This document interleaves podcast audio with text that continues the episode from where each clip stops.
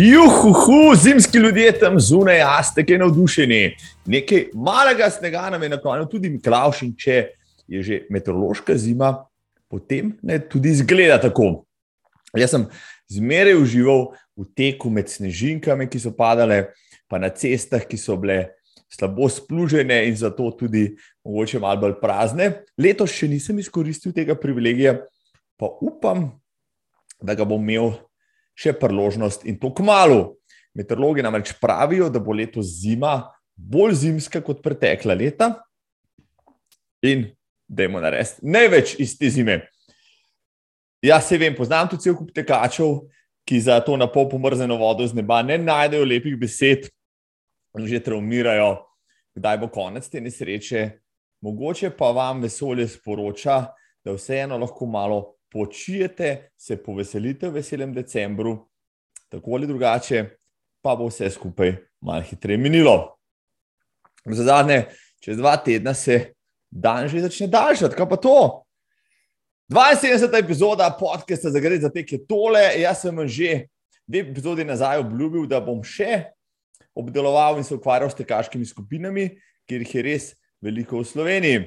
Odziv na namreč 70. epizodo podcasta je bil odličen očitno vas tekaške sredine tam zunaj, pa tudi malo širše, zelo zanimajo. Zato bom uh, tole epizodo tudi naredil izredno zanimivo. Tudi tokrat sem se sprehodil po Sloveniji, od obale do Maribora, od Žiri do Šentjerneja in za vas, in tudi za potešitev moje radovednosti, pred kamero in mikrofon povabil naslednjih sedem gostov. Kar začnimo spomladi, sem že govoril z njim o zimski ligi, sedaj pa v Savinsko dolino žalec kličem, da še kakšno rečemo o tekaški skupini ATD Savinčan. Z mano je Dejan Babič. Dejan Babič, živijo, pozdrav Savinsko. Zdravo, Marko, Evo, leto je na okrog in spet se slišimo. Točno to, sva govorila že. Ja. A, a, ja.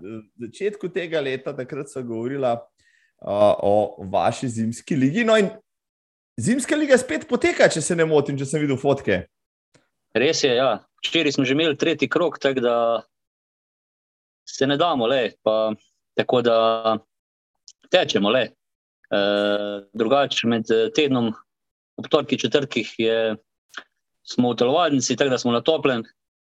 E, in e, delamo podarek bolj na moči, no, krožne vadbe. Tako da ob nedeljah, vsako drugo nedeljo, se pa potem udeležujemo Savinske zimske tekaške lige, katere smo mi organizator kot društvo.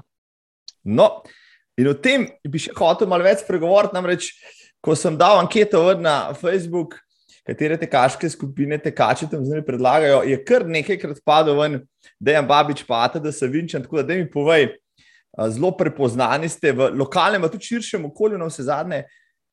Kaj je ATD Savinčan, koliko časa obstaja, kaj je vaš primarni namen in poslanstvo? Evo, pa koliko vas je, recimo?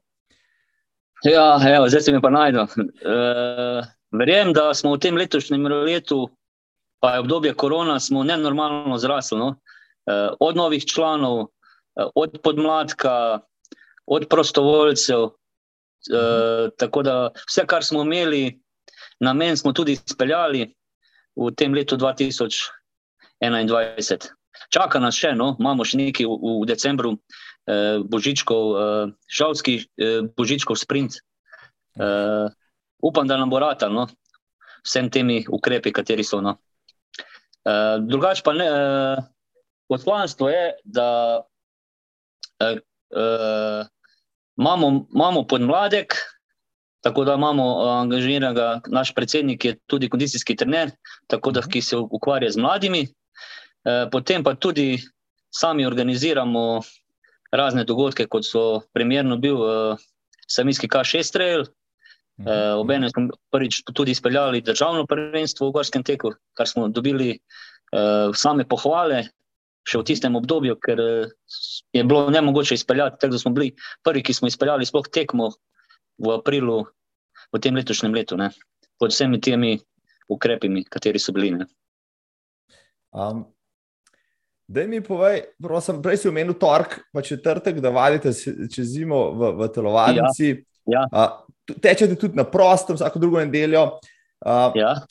Povej mi, kot recimo novinec, kot tekač, ki bi čez zimo vadil tako tekaško, kot tudi rekel, za moč, kam in kdaj uh, bi se lahko oglasil, uh, kako se bi se lahko priključil vaši skupini, na koga naj se obrnem. Uh, uh, vadbe izvaja Boris Podpečan, uh, naš kondicijski trener, ker ima pred njimi so te mladi ne? in potem imamo mi ta stara garda. Ne? Tako da Zdaj, prilagodimo se vsakmu. E, pač naredi pač manj vaj ne, za začetek, e, tako da le, sam volno mora imeti, no. nič drugega. Ne grizemo, le, to je najbolj važno. Na naši spletni strani ali pa nam piše na mail, uh, atdsavincan, afna, gmail.com, tako da brez problema. Spremljamo vsakega. Tako da Eh, potem le vsak po svoji zmožnosti, le, ne forsiramo tako, da kjer ima željo pač več dela, tisko pa toliko, da malo miga, pa pač toliko naredi, da delamo, vsakmo se prilagodimo. No. Uh, vaš domicil, vaš sedež je v Žalcu, če se ne motim. Ja, ja. ja. Uh, kje, kje v Žalcu pa ste, recimo, kje je ta dvorana, kje se vas najde? Ja, to je prva osnovna šola Žalec, se pravi, zraven kompleksa športnega centra Žalec ker čez leto smo pa tako zunaj na stadionu, ne, ko je bolj mhm. topel, pa ko je svetlo še zunaj. Skratka, ta zimska liga, ne, sem pozabil še povedati, da poteka pol od novembra pa do, do marca. Ne.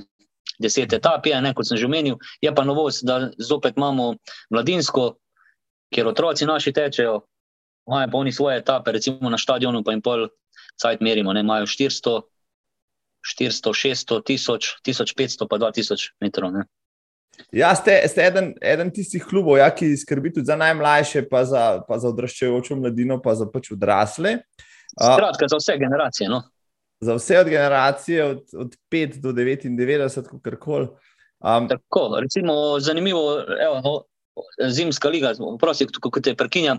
Uh, je najmlajši 7 let star in najstarejši 69. Bravo, vrhunsko. Je kar ne. Vrhunsko, ne, stan 62 let je razlika.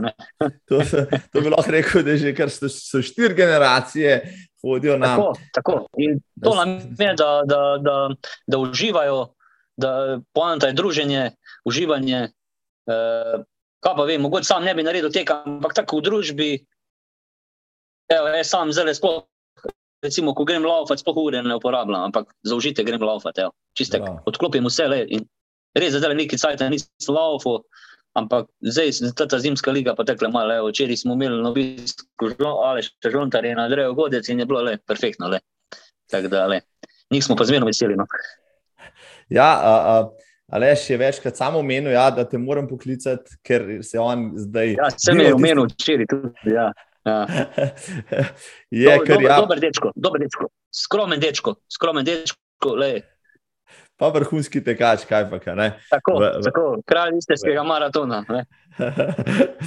ja, lepo je imeti žontarja med reku, člani, člani društva oziroma uh, uh, skupine. No, koliko pa vas tako okvirno vadi, bom rekel, pod okriljem imate, da se vinčem. Morda tudi skupinsko se pripravljate, ali pa to hodite na kakšne tekme doma, ali pa so tujino. Vem, pred, pred korono smo bili bolj aktivni, no, da smo šli tek, kako bi rekel, na te tekme, recimo Ljubljanski maraton, pa Radenci. Zdaj pa je bolj, bolj to bilo, dve leti ni bilo noč, skratka, takih na velikih tekmovanjih. Tako da upamo, da, zdaj, da, bo, da bo to zaštartalo, pa da gremo malo tekmovalno, no, se udeležiti, no, malo predstavljati našo, naše mesto, našo dolino. Jaz mislim, da smo že dosti prepoznavni, no, da nas že dosti poznajo kako se pripravljamo ne, od, od dogodkov. Pa tudi eh, naši mladi se udeležujejo te, teh tekem v 12, v 10, tako da imamo, imamo podmladek, no, delamo, tako da, da imamo neko, kako bi rekel, optimistično zremo naprej, no, kljub tem cajtom. No. To, to je dobro, no, vem pa, da poleg uh, resne atletike pa zimske lige in ostalih dogodkov, državnih prvenstv, ki jih zdaj delate, organizirate tudi bolj zabavne stvari, kot je, kot je Birma ali je tako? Yes, yes. Pivo milja, savinska pivo milja, res je. Ja. Da mi malo več o tem povem, no, pa s tem pa zaključiva naj pogovor, ker uh, kar nekaj uh, kolegov me je že vabilo uh, v vaš konec, pa še nisem uspel prijeti. Ampak, evo, jaz, se... jaz te vabim, da, da skupaj probate evo, za začetek eno štafeto, tipa ali žonta, le, da ne bo prehudo. Uh, evo, to je ponovadi junija, tako da le, tedi je malo vročina, tako da pa še pivo je pa recimo, tu se pa izmenjata, recimo prvi štarta, mora prvo spiti v tej coni 10 metrov od štarta, ker je en, pivo mila ta že 609 metrov ne? in štarta na ti krok in potem ti recimo štartaš, pa on pol čaka, ne? Spiješ, narediš krok in pol predaš naprej, da gre pol ali naprej, recimo, tako se pol to naredi. Zdaj pa, če greš sam, ne? je pa kar kuda, moš pa štirikrat spiti, pa pol štiri kroge narediti, ne? ampak ena, ena. Ne? Se pravi, prvo spiješ, pa krog, pa spet spiješ. Skratka, zabavno je to, no, bolj. No. Deva, Eni to deva. bolj redno, pa pol, tako da mislim, da je padel tudi rekord slovenski, da ga je vid kramer naredil, le pod šest je spravo, no? Uh. kar je vrhunsko. No? Ja, pod šest je že za miljo brez piva, izvrsten rezultat. No. Ja. No. Ampak, s tem, da se pol 4-5 spije, ne? po 0-33. Ampak, no, ker, ker je, to je pa tako bil izziv. Ja? Pa da ne bomo polovičari, evo, bom, bom kar tlele uh, uživo, ker tole posluša pač tekaška Slovenija izvol, ali še žontarja na dvoboj, no pa se naslednje leto. Uh, evo, na slovenski pivo, mili pomerva, mano a mano, evo pa da vidva. Oba dva. Ja, lahko posamez, lahko pol v štafeti, kako vam je lažje. No? Na začetku, recimo, pridejo pa tako pol, probajo. Aha, bomo malo probali štafeto, prvo veš, je malo ta lažja oblika. Moraš imeti pol tisti dan, da probaš pol vse. Ne? Predtem imamo pol nek eh, tek za ogrevanje, recimo tek na eno uro in pol ti paše. Ne? Ko laufaš eno uro, laufaš, pa ko krogu narediš, pa malo pauze, pa, pa greš na pivo miljo, ne, da si ogret. Perfektno. Lažje pol. Eh, juni, praviš, juni 2022 se savinska pivo milja vrne vsem svojim sijaju. Ja, in, in jaz bom očitno tam tudi na štartu končno združil se, oba svoja najljubša hobija. Lej, lej, oba dva sta dobrodošla, tako da le. To je to. To, je to. to, je Dejan, to.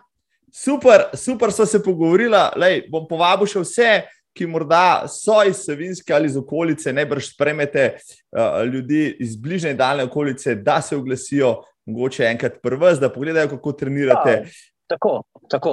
E, vse pravim, e, večino podatkov so na naši spletni strani www.atd.savinsan.eu. Tu so tudi, kdaj so treningi, kdaj so kakšne prireditve, ki jih organiziramo, tako da vse skratke informacije. Drugač pa tudi na Facebooku ali pa na Instagramu, tako da smo kar aktivni, kar, kar se tiče tudi tu. Vse, vse se pol, tu vse večino pol zve. Ne kako je organiziramo, ali pa kako imamo kaj v planu. Ne. Perfektno. Pa ne smete torej... še vsega razkriti, kaj imamo še od zadnjega. No, imamo tudi žalsko kalvarijo, decembra, le, od 4 do 4, malo mora biti, decembr je veseli. Le. Tako da laufa se, malo se spije, pa spet naprej. Malo za banke mora biti. No. Jaz mislim, da je to bistvo. Primejo, da se smejo, eni, da smo čudaki, ampak le, življenje gre naprej, le. show must go on, kako reče. Dejan, uh, jaz mislim, da delč od tega, da bi bili čudaki, veliko so mišljenikov, vsaj po tem, kar sem zdaj ugotovil, pa sem govoril z uh, marsikatero tekaško skupino po Sloveniji, bi se najdel več so mišljenikov kot, kot drugačnih. Tako da uh, super, se vidimo v Savinski dolini. Hvala ti, Dejan, za tole javljanje in lep veseli Lej, še, december. Še, še kdaj, še kdaj. Lej. Na vsak način. Na vsak način. Lej, tudi želim veseli december, pa da Hvala. Pa da ta oddaja, podcast, raste, raste in raste. Ne? To, evo. Evo, hvala, da je. Srečno, lepo zdrav, žal. Ajde. Ajde. Čau. Čau. No, ste spremljali maraton v Valenciji preteklo nedeljo? No, če ga niste, ste zamudili zanimivo dirko, drznim si reči, ker uh, najbolj kvalitetno maratonsko dirko letošnje sezone. Ne, niso padali absolutni rekordi čeprav so organizatorji povedali, da bi se radi uvrstili v klub maratonov s časom pod 2.03, Lani je recimo zmagovalec Čevet iz Kenije tekel točno 2-0-3. Uh, tokrat pa pogoji morda za presežek tega rezultata niso bili idealni, kljub temperaturi 11 stopinj na startu in skoraj brez veterja v prvem delu proge, pa je na drugi polovici zapihal kar uh, močan veter, skoraj orkan, veter se je krepil, potem uh, celo dirko in na koncu predvsej pihal. Pa kljub temu ni tekačev motil toliko, kot smo pričakovali, vsaj po rezultatih sodeč. Uh, že po malo desetem kilometru je bilo jasno, da z kakšnimi resnimi rekordi bo, ne bo nič, in ko je vodilna skupina na polovički obrnila s časom 1:02:19, kar minuto za želenim tempom, je bilo jasno, da bo zmagovalec tokrat lovil zgolj 2:05. Ampak potem se je dirka vseeno pošteno razvila in po več menjavah v vodstvu je lani drugo vrščeni Lorenz Čerono iz Kenije v taktičnem finišu, ko uh, je z zadja priletel njegov reak Kačeran, uh, še temu pa zavratnik dihal prvi favorit Jeffrey Kamvoror z 2:05:12 dobil to dirko pred Etiopicem Čalu Deso. Vsi trije Kenici in še štiri Etiopici so tekli pod 2:06. Res koncentrirana konkurenca. Po 20 pa ste je teklo kar 24 letov in po 2:30 še bolj nor podatek, kar 230 tekačev. Za primerjavo v Berlinu leta 2018, ko je Kipčoge postavil svetovni rekord, je pod 2:30 teklo zgolj dobrih 100 tekačev. Toliko od kvalitete v Valenciji preteklo nedeljo. No, zdaj pa imamo še naprej po Sloveniji na notransko obcerkniško jezero. Gremo uh, prečekirati Izi Šport in ŠKD Sovico, z mano je tekaški trener Izak Hribar. Izak Hribar, pozdrav v Cerknico, živijo. Živijo, pozdrav na Gorensko. Mi imamo tukaj um, 5 cm pa pol snega, ko je pa prvrskej. Pa recimo, da je ena, ena dvojna mera. Tako lih, lih primerno za teh nasmočeh. No, pri nas v naših koncih, tle pod Storžečem, za teh nasmočeh še ni, no, razen če bi kakšne kartine hotel uh, razirati. Um, bo pa upam, da kmalo zdaj, Izak, um, tvoje ime je večkrat padlo ven. Uh, uh, večkrat si bil potegan, ko sem dal anketo na Facebooku, da mi ljudje predlagajo te kaške skupine. In potem sem te čisto hitro preveril in gotovo, da tam na notranskem dejansko si, tako kot je ena deklica napisala, mnogo tekačev in ljudi spravil v gibanje. Tako da, da mi bovej, uh, si vodja uh, uh, te kaške skupine oziroma uh, podjetja, društva, karkoli že. Da mi malo piš, kaj je izi šport, kje se vdejstvuješ. Kakšne so te kaške aktivnosti, ki jim prisustuješ in jih načeloma vodiš?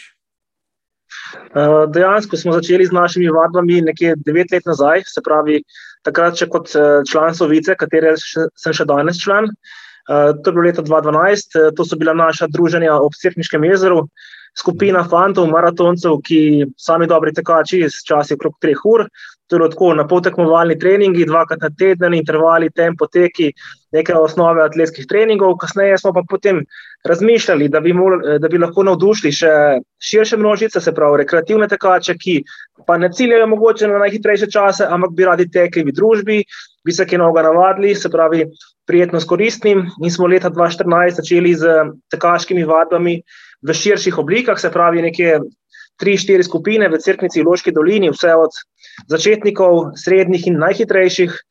Um, Cerknica, Loška dolina, kasneje še Ribnica in Postojna, na koncu tega vsega malo preveč. Tako da delamo trenutno samo v Cerknici in pa v Loški dolini, kjer nek, nekako teče tedensko 50 tekačev v sezoni, govorim priprave, Ljubljanski maraton, Istrski maraton in tako naprej. Uh, drugače pa delujemo tudi kot notranski tekaški pokal. Se pravi, to je največji športni rekreativni dogodek na Notranjskem in širše, ki se ga udeleži nekje 2000 tekmovalcev oziroma tekačev na različnih tekih, tek na Slivnico, tek ob Cirniškem jezeru. Skratka, take legendarne kraljevske dirke, ki jo poznajo širše množice in ki so v bistvu v očeh tekačev zelo priljubljene. Uh, delujemo tudi kot Easy Sport, se pravi kot društvo, kot podjetje. Od teka na smočeh, tečajev, če so recimo primerne razmere na notranjskem bloku, Loška dolina, Babno polje, imamo izjemne naravne danosti, katere časovno in ko so razmere možne, izkoriščamo. Tako da, recimo, en tak okviren plan, imeli smo 300 do 400 tekačev, eh, po suhem in nekje 200 na tek na smočeh. Tako da smo kar nekaj ljudi že dali čez to. In uh, nastale so v bistvu take prijateljske skupine, ki se še danes po teku družijo, ki so postale prave klape, tako da namen je dosežen, lahko rečem. Bravo. Super, Idak, bil si zelo izčrpen. Spoštovani, spoštovani, če ste mislili, da se na notranskem preganja samo medvede, ni res. Preganja se tudi tekače in tekačice, ogromno, veliko vas je. Mi, zdaj malo čisto popiši, recimo, kdaj pa kje trenirate, recimo v Cerkvenci v Loški dolini, kdaj lahko pride nekdo, ki bi se vam želel priključiti, pa kam in, se, in, se, in preveriti, če je to tista stvar, ki bi jo rad počenjal? Se pravi, v sezoni, govorimo od februarja do novembra, treniramo dvakrat do trikrat na teden v Cerkvenčkem jezeru, to je torek in pa četrtek ponovadi se dobimo tam na koncu asfalta in gremo potem ob jezeru, ob javornikih, kjer imamo izredne terene, gor dol, naravno za tem poteke, za teke v klanc, ni da ni. V Loški dolini pa dobimo, se dobivamo enkrat na teden, pa pri gradu Snežnik, ki tudi nudi zelo razgibane in kvalitetne treninge. Uh, smo pa recimo za zanimivost tudi lansko sezono, ko je bila korona in ko je bilo vse prepovedano, in občine, in ovo, ono, smo vseeno tudi tekli. No, tam v Javornikih, sicer malo manj nas je bilo, ampak smo bili zelo pridni in odkrivali terene, ki jih gotovo nikoli ne bi. Se pravi, ja. gibali smo se nekje okrog tisoč metrov nad morjem. Uh, javorniki, veliki, mali javornik, take tereni, ki so res izjemni, ampak v nekoronskih časih niso tako oblegani, lahko rečemo ste potem morda dobili tudi kakšno idejo za organizacijo kakšnega traila, ki je zdaj zelo popularen v naših koncih nasploh?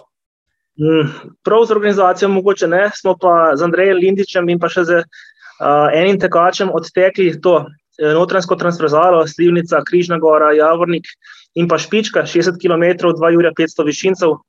Takrat smo v bistvu v šestih urah to premagali.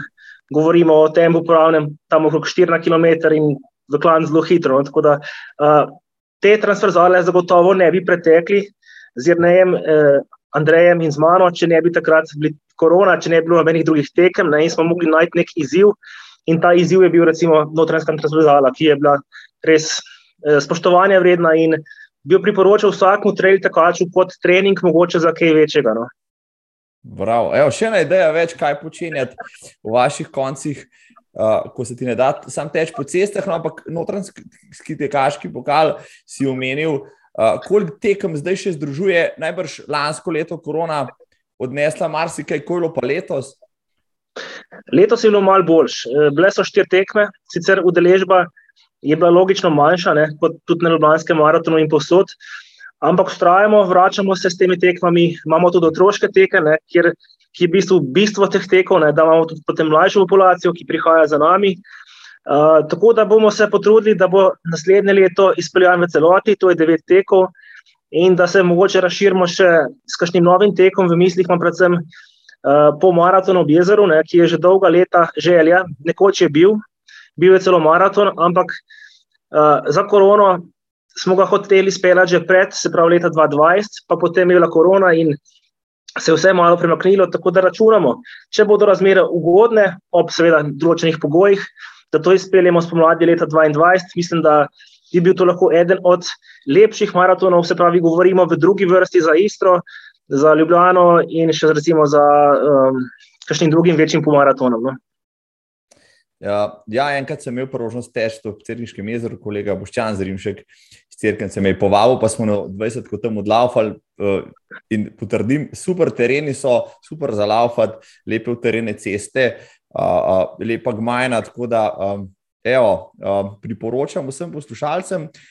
Mogoče še vprašanje, zdaj rekel si, pokrivate otroke, pokrivate starejše, najbrž tudi začetnike in malo hitrejše tekače, vsak se lahko najde prvs in, in najde svojo tekaško sredino, v kateri lahko vadi, trenira, napreduje.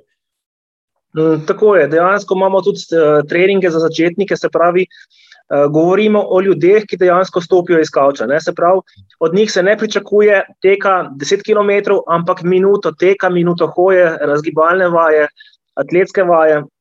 Tako da, kdor pride v tisto skupino in je strikten, pride, se pravi, trenira dvakrat na teden v skupini in potem še enkrat sam, je v nekje dveh do treh mesecih sposoben zagotovo prelaupati 5 km, recimo v pol ure, kar je čisto ok čas, ne? in potem lahko na tem nadgrajuje desetko. In mogoče čez dve, tri sezone še pol maratona.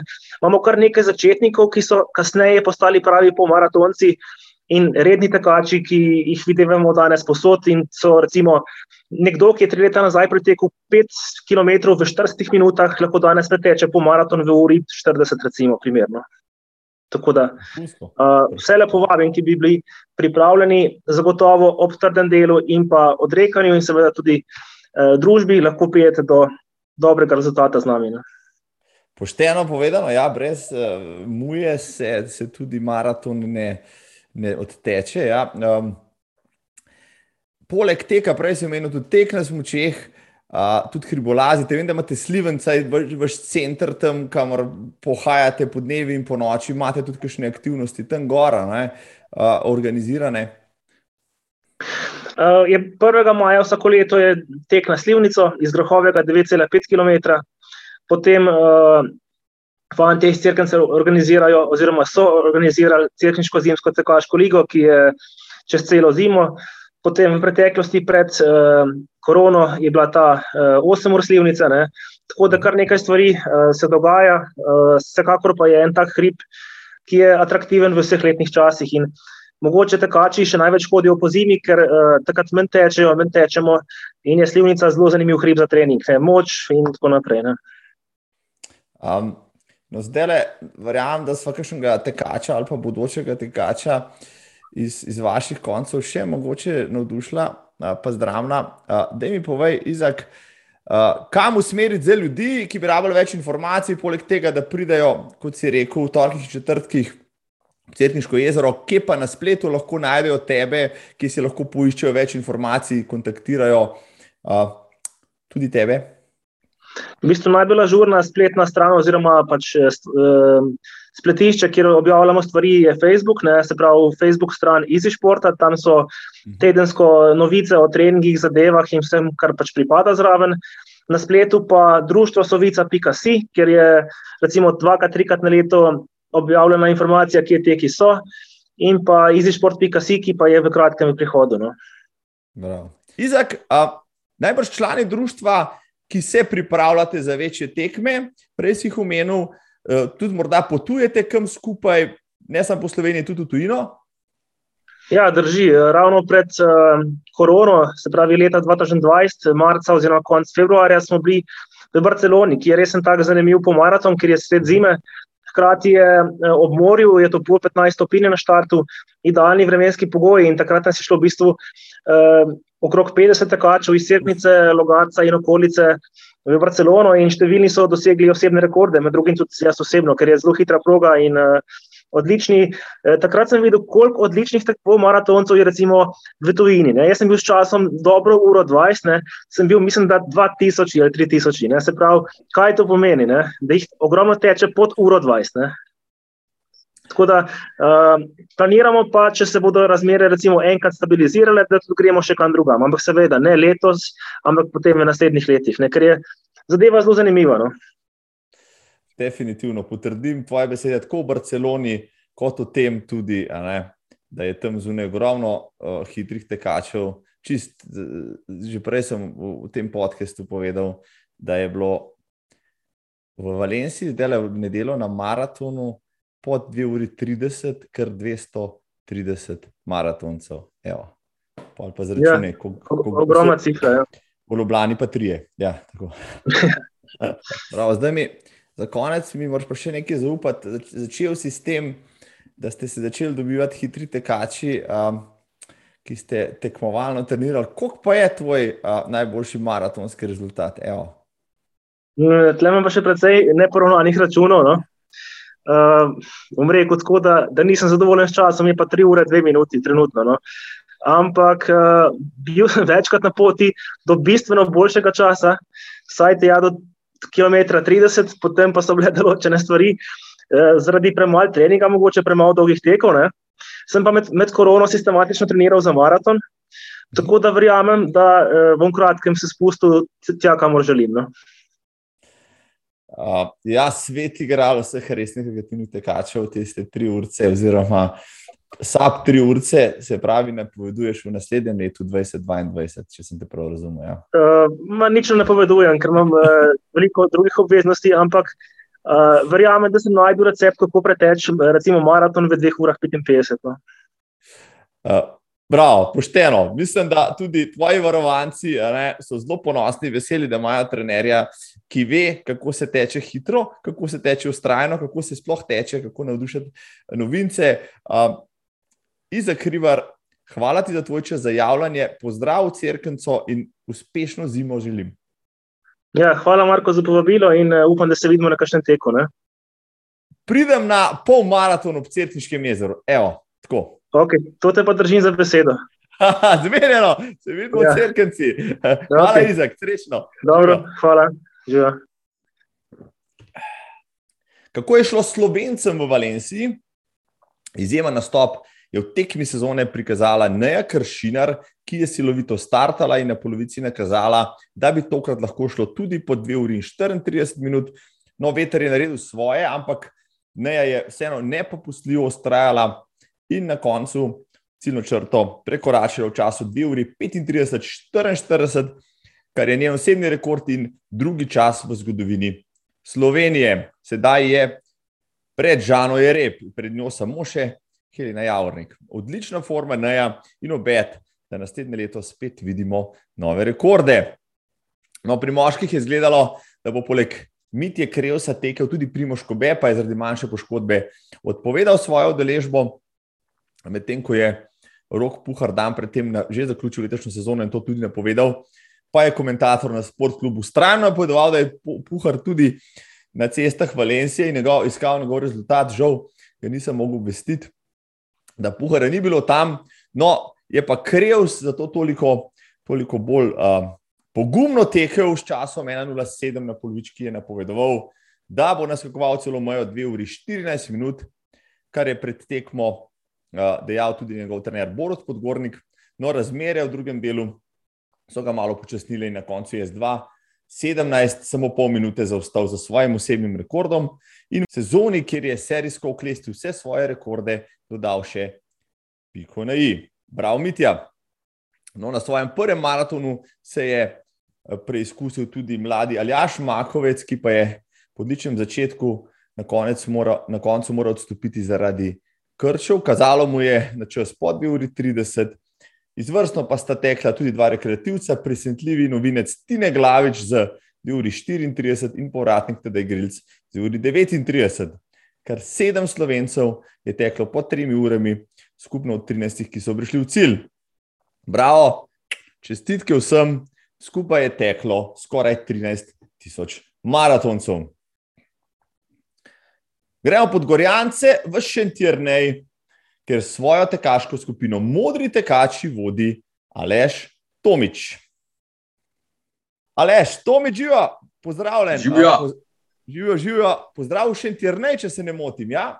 Tako je, lep pozdrav v Šentirneja. Čudovitega kraja izpod Gorjancev. Tako, evo, evo, ne, všeč mi je, da, da uh, moj dragi sogovornik tudi predstavil kraj, iz katerega prihaja in kjer se peča tudi tekaško rekreacijo. Zdaj mi pa, ko je v štartu, povej, lež, prosim, kaj so modri tekači, odkdaj in zakaj?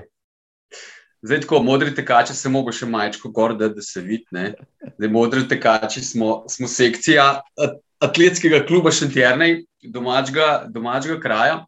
Mhm. Zdaj, tako, ni dolgo, ne? ker imamo eno tako društvo. Um, sam sem bil dolgo leta tekmovalec, uh, še do leta 2005, zelo aktiven, uh, in potem je ta uh, tekmovalnost v mojem DNK-ju počasi plahnela. Ne? Da sem prišel do tega, da zdaj bi bilo pa dobro nekaj z rekreacijo se ukvarjati. Sam sem se sicer skozi, ker sem tudi učitelj športne vzgoje.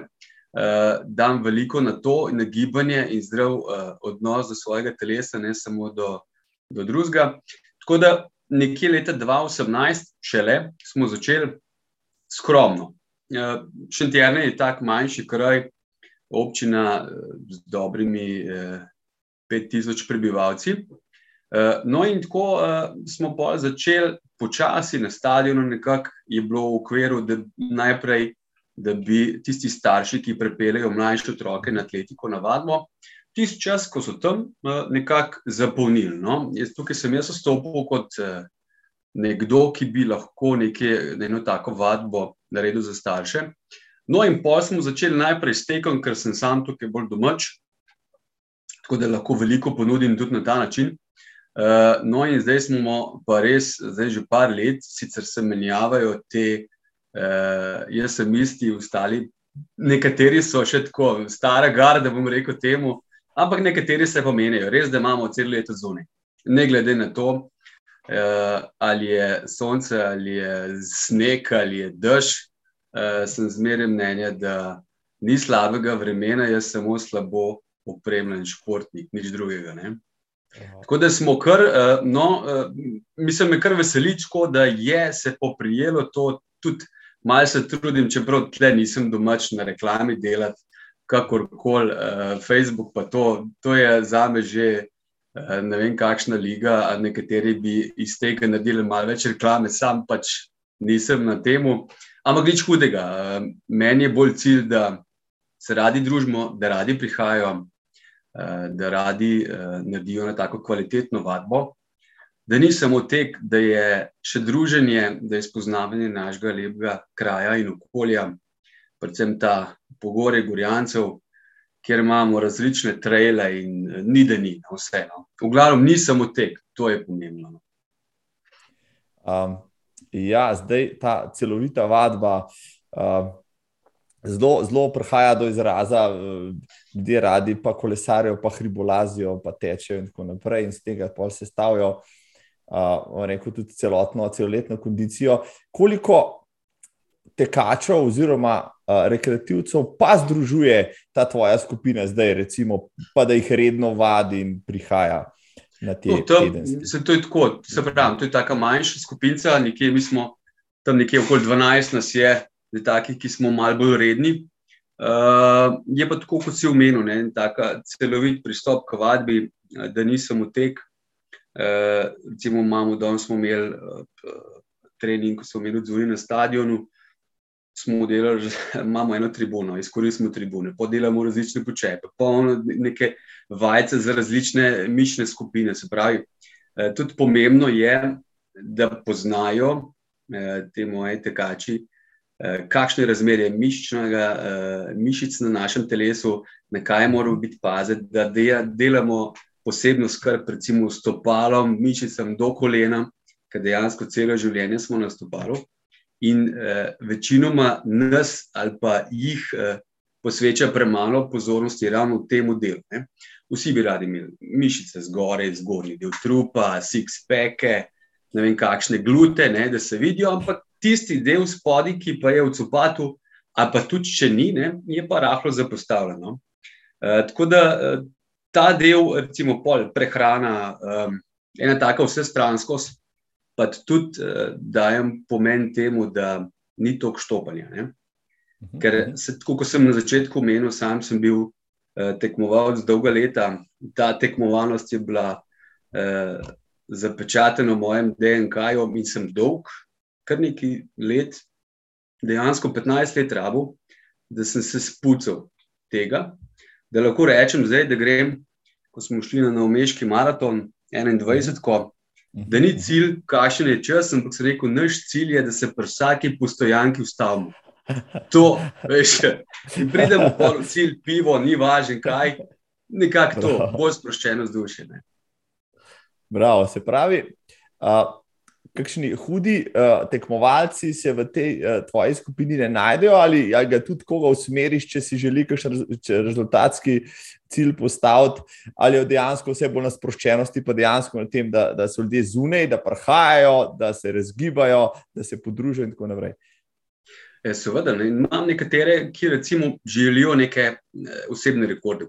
Absolutno. Ne. In uh, tukaj lahko dam uh, veliko napotkov, še posebej pa pri vseh uh, dajem pomen tisti postopnosti. Zrad, da se ne zapodijo tako, ne vem, kaj bi radi. Ne. Ampak grejo re, le, čez eno tako šolo, kjer jih nekateri morajo malo bremzati, seveda. Ne da ne, se ne zapodijo, nekateri pa dejansko lahko, bom rekel, temu že mali maraton tečejo brez kakršnih koli težav. Uh, je res, da je pa večinoma tle tisti, ki so bolj na nekem sproščenem vzdušju in je, tako kot sem ti prej rekel, tekmovalnost je drugotnega pomena. Ne? Uh, bolje za druženje, bolje za to, recimo, jaz tudi veliko gremo, ne samo na stadion, ali pa da tečemo okoli. Eh, gremo gor, gremo traile, gremo palce, gremo hoditi. Imamo, beremo poezijo na kulturnem prazniku, gor na enem uh, hribu, veš pa take stvari. Ne? Ali pa praznujemo uh, vem, kozarce, šampanče, gremo gor, lunca. Veliko delam tudi z teh, recimo, pohodov ob polni luni. Uh, se mi zdi, da je ena taka stvar, kjer je uh, vse je v življenju preveč napeto, vse je v življenju zaostreno, sploh v zdajšnjih časih, tako da razbremenitev rabimo vsi. Uh, bo rekel en tak filter, kjer se človek, tisti, ki pride, dobro počuti, kjerkoli je. Uh, sploh pa propagiram naravo, mi imamo tle v Šentrneju.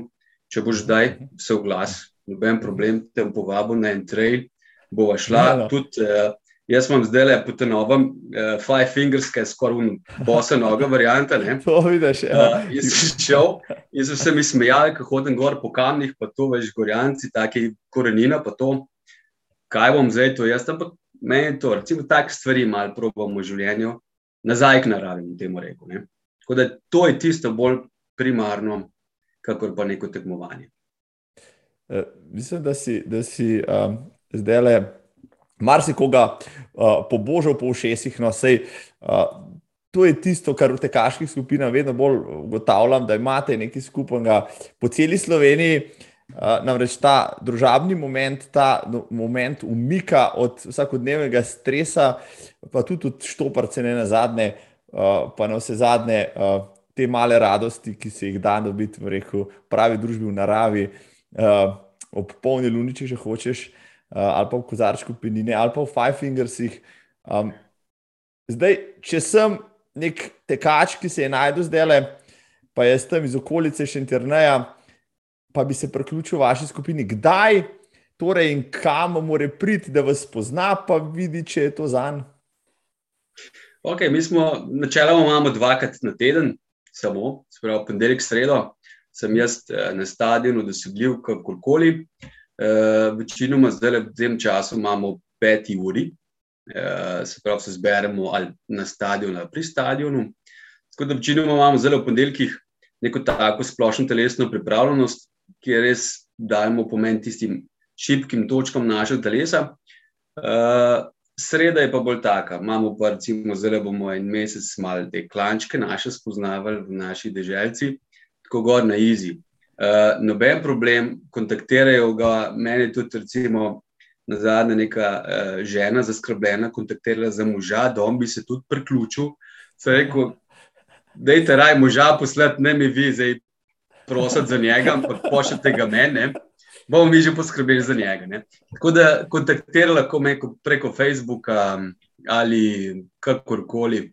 Imajo moj kontakt, ne skrivam tega, v glavnem na uh, spletu, kakorkoli je, nekje se ga že najde.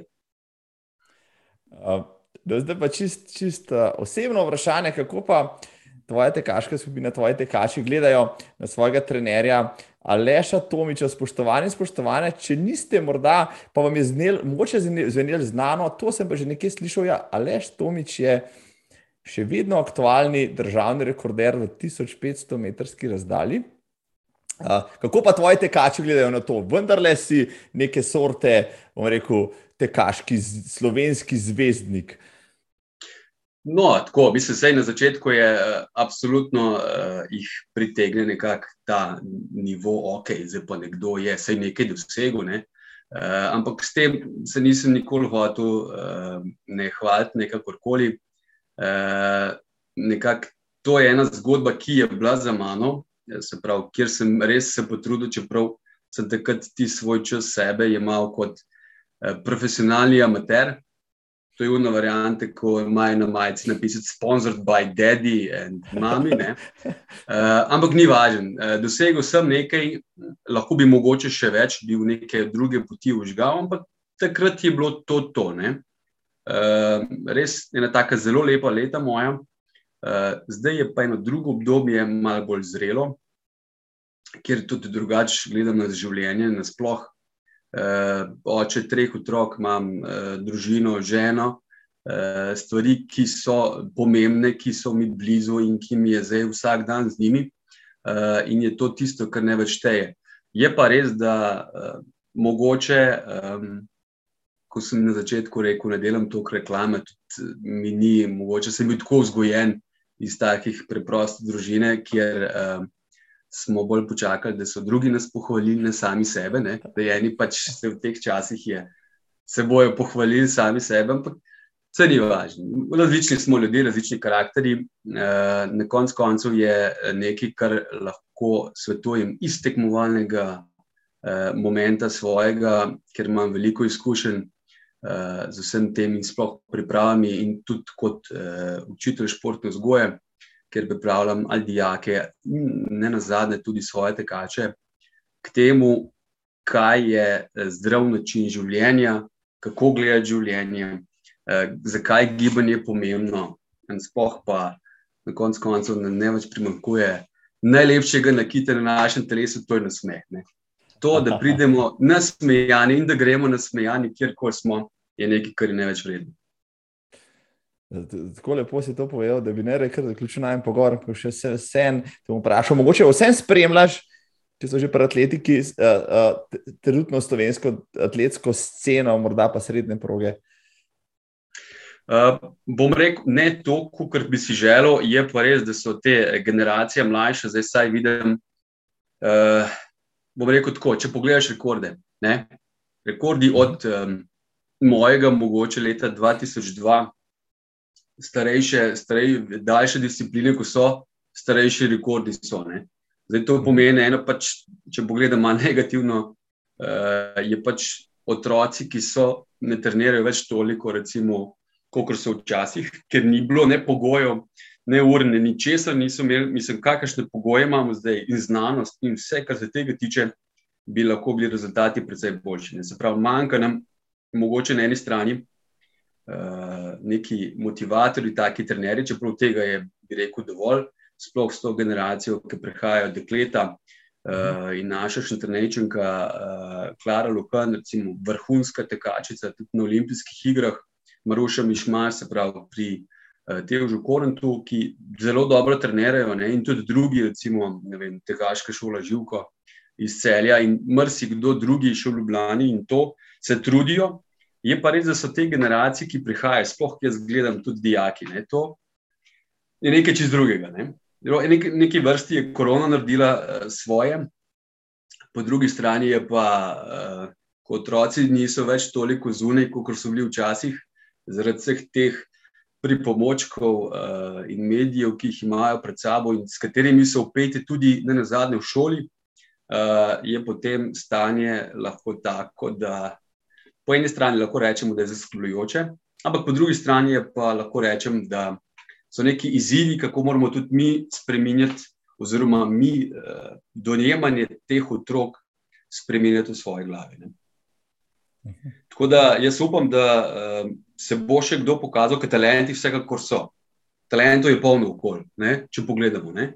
Zdaj samo pravi ljudi, da jih v pravem trenutku dobijo, nagovorijo in da potem spet neka generacije naredi neki boom, neki rezultat, uh, ker je pa težko. Sam od sebe je težko biti odvisen in je pri teku, govorim, vrhunskem teku, ne, enostavno moraš imeti ekipo za sabo uh, in to, da te pelejo in da te motivirajo vsak dan, da dejansko imaš tako, kot sem jaz, recimo, takrat imel fokus samo na treningu. Ne. Nič drugega. Čeprav jaz sem sam mogel skrbeti za prehrano in ne vem, kaj še vse, in da sem štopal na trening in peš hodil, ne vem, koliko pa s kolesom. Ampak to so bili drugi časi, ne? zdaj je vse drugače, zdaj jih pripeljamo na stadion, jih starši odpeljemo nazaj. Ne? Ni noben problem. Ne? Samo, uh, da so otroci, bomo naredili vse za otroke, zato da se bodo spet začeli primerno gibati in uh, z neko kvalitetno in kakovostno vadbo. Dele, uh, super, super, všeč mi je vse, kar si povedal. Odprl si um, cel kup enih istočnic. Uh, cel kup idej mi je prišlo čez glavo, ampak je to prehraniti, morda za kdaj drugič, ko se bova, mogoče za mal dalj časa, tako le dobila. Ne?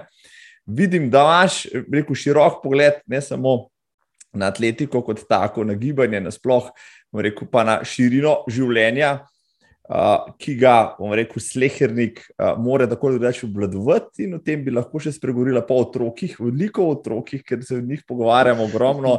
Pa vse delamo za njih, ampak uh, oni pa, kot da bolj, ko se ukvarjamo z njimi, manj, manj, manj uh, sami vlagajo v to, ali pa ne. No, tako da, aleš, uh, uh, v kratkem se spet slišiva, če bo želel, pa nadaljujeva to debato. Za danes se ti pa zahvaljujem za tole javljanje iz Šentjerneja in želim uspešno, rekel, zimsko pripravo na spomladansko sezono. Malenkost, hvala za povabilo, sem vesel. Uh, upam, da bo tudi uh, še kakšnega drugega, da ne bom samo v njem domačem kraju, ampak kjerkoli. Vesel sem vsakega, ki je pripravljen nekaj narediti zase in tudi ne na zadnje uh, s svojim zgledom delovati v bližnji svoji okolici. Super. Hvala še. Aleš, nekaj dodati. Hvala ti, srečno. Srečno, živijo. Teden dni pred Valencijo se je teklo tudi v naši soseščini, Hrvaški crkvenici, bil maraton in pol maraton. Se spomnite, ko je moj gost Aleš Lindič iz Novega mesta napovedal, da bo tam poskušal teči svoj prvi maraton pod tremi urami? No, obveščam vas, da mu je to uspelo, še kako, z 2 uri in 50 je na zahtevni progi na koncu celo absolutno zmagal. Bravo, Aleš. Tretji je bil tudi naš maraton, Mirko Janjatovič na polovički, pa so z uro 16, Andrej Mikl, tedaj Osvald in Miran Cvet osvojili drugo, tretje in četrto mesto. Med dekleti na pol maratonu je bila Ana Seliškar tudi odlična, tretja. Bravo!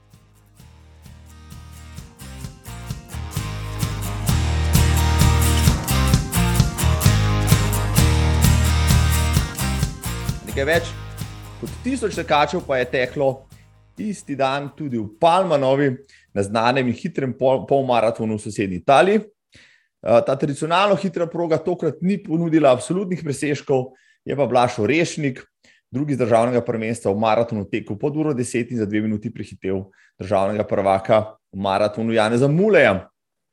Sezona resnih dirk se sedaj, kot kaže, počasi izteka in tudi prav je tako. Iz Težene Gorenske pa sedaj na zgolj deževno obalo, kjer se mi pridruži Medka Pikl, vodja, še da tekači z obale. Medka, živijo, dobro jutro, pozdrav na obalo, koliko imate snega dol? Dobro jutro, Marko, pozdrav z obale, mi imamo ful snega. Sem pogledala skozi okno, mislim, da bom mogla kidati. Ojoj, ojoj, ja. Okay, zdaj pa za, za vse uh, poslušalce in gledalke, ki niste z obale, je na obali res ni snega.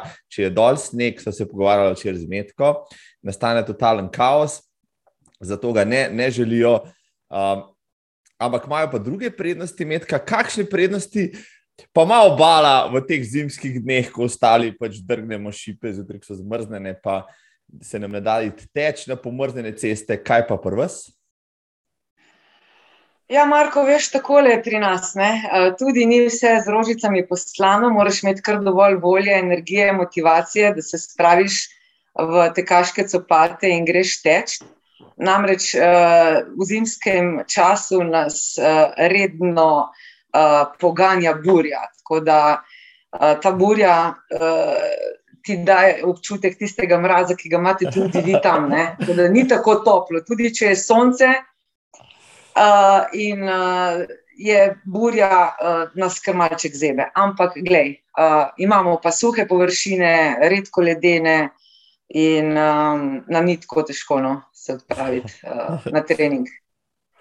Um, Moram pa reči, Marko, veš, da zdaj uh, ta mesec uh, kar nekaj dežuje. Ne? Tako da v vseh teh uh, letih, kar vodim treninge, uh, ni bilo toliko dežja kot je letos. Ampak mi vseeno, tudi po dežju gremo. Ne? Uh, evo, kakšna lepa uvertura, Medka, omenila si, ja, vodiš treninge, si šefica uh, ŠD tekači z obale. Da mi malo več povej, no, to vaše društvo, združenje že kar nekaj časa živi in, in se razvija in ordinira. Mal mi povej, odkdaj ste, zakaj ste, kaj počnete, kdaj počnete. Uh, hvala za šefico. Uh, v bistvu Hvala Bogu, en ker same tak- moške gostim v tej oddaji, večinoma, vsaj kar se teh eh, tekaških društev tiče. In sem prav vesel, da sem končno dobil tudi eno, eno dekle, eno žensko, tako da Ja. uh, dej si duška, metka. Ja. ena ženska, ja, ki ima malo moškega v sebi, uh, malo diktature in, uh, in potem vse gre. Veš, kako je, Marko? Tako je bilo. Uh, na faksu sem usmerjala atletiko. Uh, moj profesor, dr. Škof, me je navdušil nad tekom, še bolj kot uh, nad ostalimi atletskimi disciplinami, in me tudi uh, leta 2007 povabil v. Uh, Imel je poletove tekaške ekipe po Sloveniji, če se spomniš, in je želel, Ja. ker sem se ravno preselila na obalo, da tudi na obali ustanovimo eno tako tekaško skupino. Tako da mi smo začeli pod okriljem atletskega kluba Slovan leta 2007 kot poletova tekaška ekipa na obali. Potem pa, ko smo videli, da nam to kar dobro gre, smo se pa odločili februarja 2008, da ustanovimo športno društvo Tekači z obale, pripravili se papirje, papirologijo uredili in uh, potem začeli uh, na novo, bi rekla, no? v bistvu po starem na novo. In od leta 2007, ne, zdaj smo 2022, skoraj 14 let, že tečemo tukaj po obali, spoznali smo že uh, skoraj vse tekaške stezice, ceste, hribčke, uh, tako da lej, lepo nam je. Uh, imamo en tako ustaljen urnik. No, naj ti povem, vedno sem uh, sama, vedno sama vodim treninge, vsa ta leta. Moram reči, da sem kar redna na treningih, uh, ker pač to kot trener moraš biti, če nisi reden, uh, potem tekači, ker zbežijo drugama. Ne? Tako da jaz se trudim po svojih najboljših močeh, da uh, te tekače obdržim. Um, vsako leto se kakšen zamenja, pride nov, kakšen star gre, ker mu ne gre, ali pa se je odločil, da bo kaj drugega počel. Ampak moram ti reči, da nekaj jih je tudi še iz leta 2007 Bravo. in vztrajajo, in so danes že maratonci, um, v pravem pomenu besede. Um, tako, tečemo dvakrat na teden, dobivamo se ob torkih in četrtkih, tudi ta urnik je vse čas ustaljen. Um, ob večerjih, seveda, ko si končamo z delom, od pol sedmih do osmih so naši treningi. Um, in tudi ob vikendih se dobivamo, predvsem takrat, kadar se pripravljamo na kakšne maratone, na, na, mislim, na kakšne tekaške prireditve, Mhm. uh, potem tudi ob nedeljah si privoščimo malo daljše treninge, pa tudi malo bolj razgibane, pa gremo se kam odpeljamo, ne? ker sicer tečemo tu na obali. Mhm. Ne dobivamo se na stalnem mestu, vsak trening je nekje druge, vsak trening je mal drugačen, v vsakem treningu je kaj novega, kaj drugačnega, tako da so, bom rekla, kar pestri treningi. In ker noben ne ve, kaj ga čaka naslednji dan, oziroma ne, na treningu, ali kar pridejo. V bistvu nam je lušno, no? Tečemo bolj tako, se družimo, se sproščamo, se podpiramo, si pomagamo, ne vem, sledimo zastavljenim ciljem, ne vsak po svoje, eni pač tečejo dlje, drugi pridejo tudi kakšni začetniki, zdaj recimo so Mhm, trije mhm. začetniki, štirje, se mal prilagajamo, se lovimo, se dohajamo, tako se motiviramo in nekako nam kar uspeva. No? Um, torej, eh, da sem si zapisal, tle, element presenečenja je lahko tak motivacijski element, evo, tudi za ostale, mogoče trenerje tam zunaj, kako presenetiti tekače, da bodo prišli, pa ne bodo nikoli razočarani. Ja, nikoli ne povejte, kaj bodo delali. Ampak, medka, da mi reče, enkrat sem bil prvi leta nazaj, se spomnim, smo malo bosi tekljali, ker sem se mi tudi spoznala. Že kar veliko vas je bilo, mislim, da okrog 20, če se ne motim, se je takrat eh, zbralo tekačev na kupu. Ko- Koliko pa vas zahaja na te redne treninge, koliko pa vas je, ko se zberete in dejansko ne udarite na kakšno tekmo skupaj. Uh, tako zdaj ta COVID nas je malo razrečil, ampak uh, tam recimo do 30 pride na treninge. No? Enkrat, 20, drugič 25, časih 15, če imajo slabše vreme, ampak uh, trening v bistvu ne odpade. No? Ne vem, če je vseh teh letih, da je trening odpadel zaradi bremena ali pa zaradi Bravo. ne vem, česar koli, razen takrat, ko smo bili strogo zaprti. Mhm. Pa še takrat smo malo pošmugljali, pa smo tekli malo krok, ne? ker pač mirovati ne moreš, ne treba je teči. Tako da ja, uh, tam kar lepa skupinca smo. Takrat, ko smo se dobili, nas je bilo malo manj, zato ker pač smo napovedali, da je bosi teka, ne? pa so se nekateri malo strašili, ampak Marko, veš, še smo tekli bosi pol. Še dostakrat oh. smo se sedeli na bonifiki, pa delali oh. stek ali pa ne, tako malo za feeling. Ful je bilo dobro. No? Še kdaj te, še kdaj te povabimo, da nas lahko. z veseljem, z veseljem ja. sem. Evo, v vaših koncih sem tekel takrat z vami, pol enkrat vem, da je bil uh, tek v Kopru, nek olimpijski tek smo na Bonifiki, po, po Tartanu, Laufal, po tistem kilometrskem krogu. Se mi zdi zelo dobra pogruntavščina. Uh, običajni krogi so 400 metrskih, po teh stadionih pa ponovadi težko zaram prijeti, ker so atleti na njem. Tle vrst na Bonifiki, pa ta kilometrski tartanski krog ne brž privlači. Veliko rekreativcev, ki tam počnejo marsikaj, tako dolžinske kot hitrostne treninge. Ja, privlači ne samo tekače, tudi uh, druge športnike, ne? tam uh, izvajajo jogo, razne aerobike, uh, gimnastičari se pripravljajo um, poleti, Eh, kondicijsko, in tudi drugi rokometaši, košarkaši, nogometaši, cel kup, ne, ker so tam samo nogometna igrišča, tenisači. Tako da, ja, en dober športni center je, kjer se lahko uh, sproščeno gibaš. No, rekla, kilometrski krok je pa tudi super, vmes sta še dva fitnesa, mislim, te postaje na prostem. Glej, za vsakega se najde kaj. Ti pa. Uh, ko pa imaš le gor teh krogov, greš pa malo ob morju do izole in nazaj, le pa je trening top. Posebej, odkar je cesta med, med Koprom in Izolo zaprta za promet, je menda tista promenada za laufat fantastična, mi pravijo. No? Um, tam poteka tudi istrski maraton, ne brž stalni na vašem koledarju ali še kam drugam zahajate in se za to pripravljate namensko, recimo ne Ljubljana ali pa kaj drugega. O, Marko, seveda istrski maraton je samo eden izmed. Ne? Mi zelo radi gremo kam naokrog, radi smo doma, radi obiskujemo naše tekaške prireditve, tako cestne, kot tudi trail. V zadnjih letih še več zahajamo na, na stran pot, da bi rekla, da ne tečemo toliko po asfaltu, tudi treniramo več. Um, v naravi, ne samo po asfaltnih površinah in na bonifiki. Uh, drugače pa ja, radi gremo kam v tujino. Um, kar uh, mnogo, kje smo že bili, bom rekla, od Dunaja, Berlina, Dublina, Valencije, Izraela, Kijeva, Madrida, uh, bili smo na Gardi, na Lago Maggiore, pa na Lošinju, pa v Palermo, pa zdaj smo bili na Kanarskih in tako naprej. In tako, naprej. tako da Ja, to je, um, če to naprej napovemo, je to nekako cilj sezone. Ne?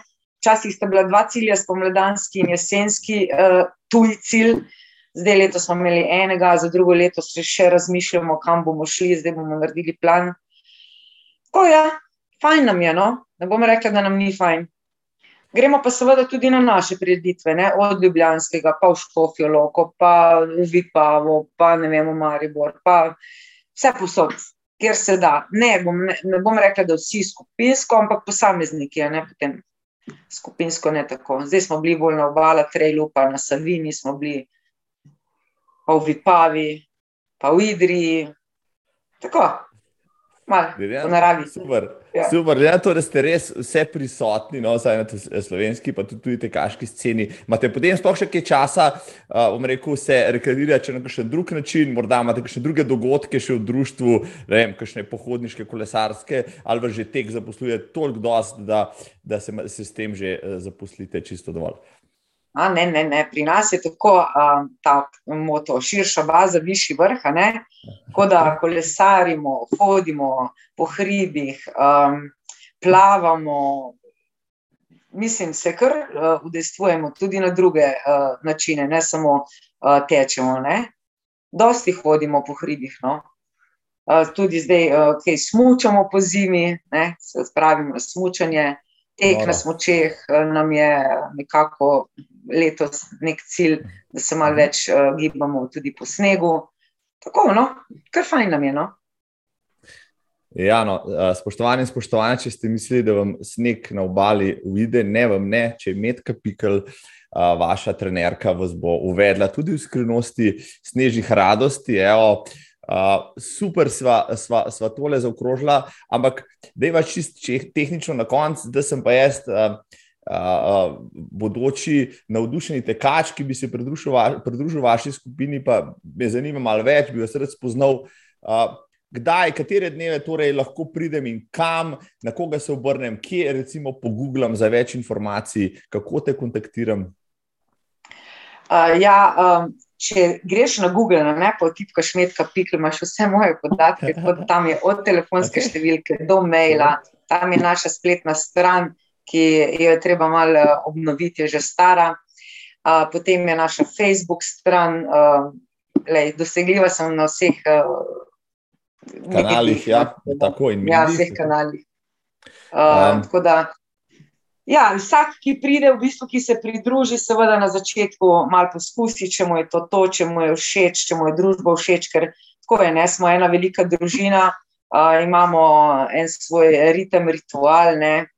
In mogoče kakšnemu tudi tak način ne ustreza, ampak jaz mislim, da se večina kar najde noter, ne? ker smo majhni, ampak po drugi strani smo pa tako veliki, da lahko vsak svoj prostor si zavzame v tej skupini in najde.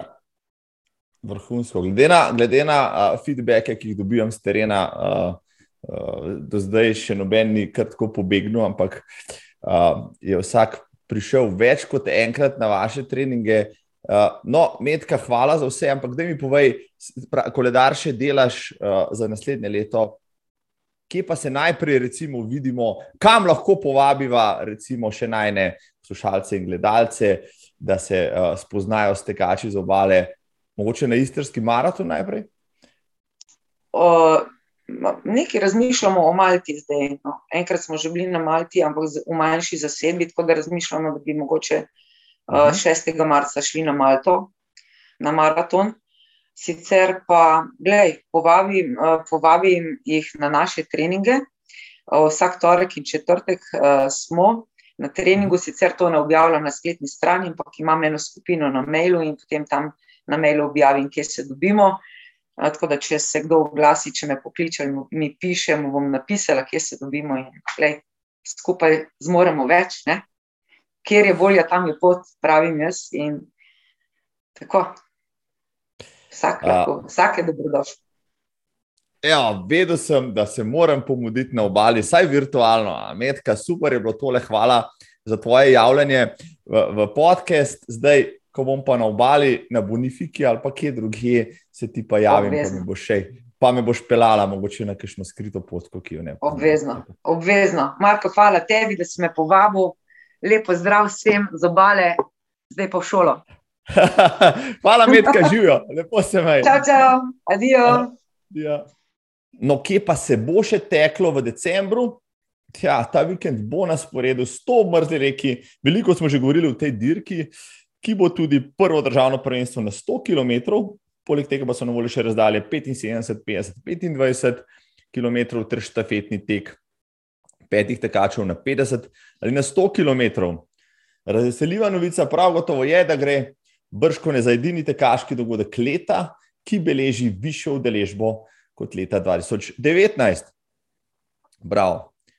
No, če pa bi tekli maratone, to lahko storite še v sosednji Italiji, v Regijo Emiliji je še na sporedu tedni kasneje v Pisi.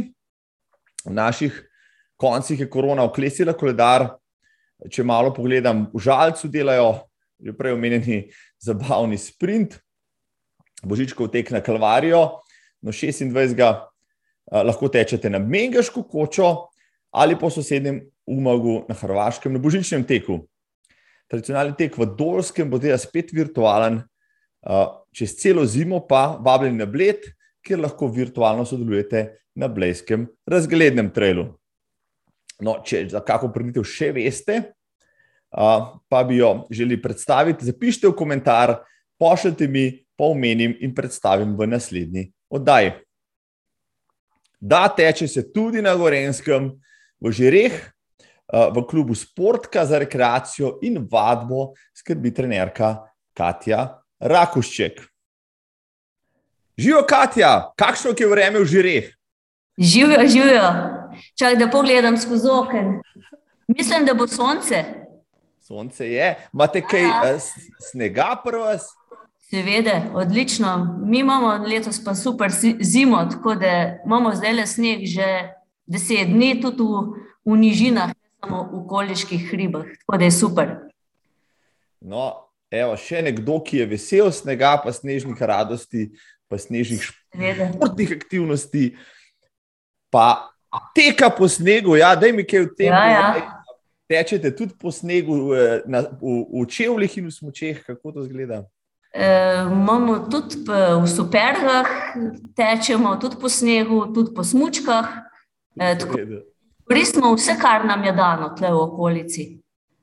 Um, ja, ugotavljam, ko se pogovarjam z različnimi gosti, ki vodite kaške skupine po Sloveniji, da imamo toliko čudovite narave v vseh koncih te prelepe naše države, da se splača kjerkoli že si, sam skozi vrata ven, pa imaš, rekel, tvoje igrišče, pa telovadnico, na, na, na, da dosegu noge in roke, ti si zdaj le pa v telovadnici, ki jo sama furaš. No, da mi povej, dobila sem se za to, da povej tudi več o tem, kaj počneš, predvsem te kaško in tudi ostalo.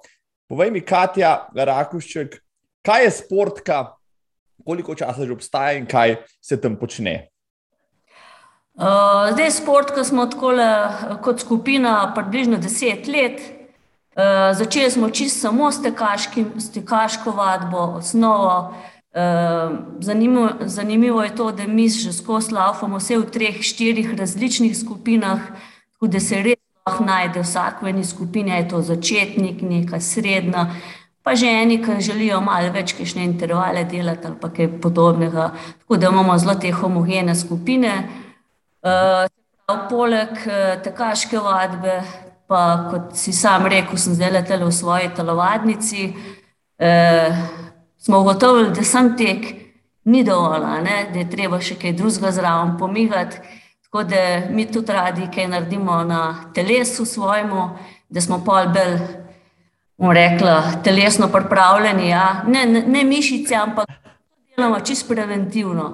Prav, preventivno, da smo mi Eh, preprečujemo poškodbe, eh, da se dobro počutimo, da smo močni. Eh, tako da vključimo poleg tekaških vadb, se pravi tudi vadbo v fitnessu ali na funkcionalni vadbi. Pa, kot si rekel, da imamo okrog ogromno lepe narave, mi smo noter v kotlini, okrog nas obdajajo sami hribi in izkoristimo seveda vsak klanček, ki nam pride prav. Tako da tudi hodimo po zim, recimo zdaj, ko je sneh, zdaj ob petkih hodimo na trele eh, s palcem, s čelnim lučkom in je krasno, lepo po snehu malo zahaziti gor v, v hrib.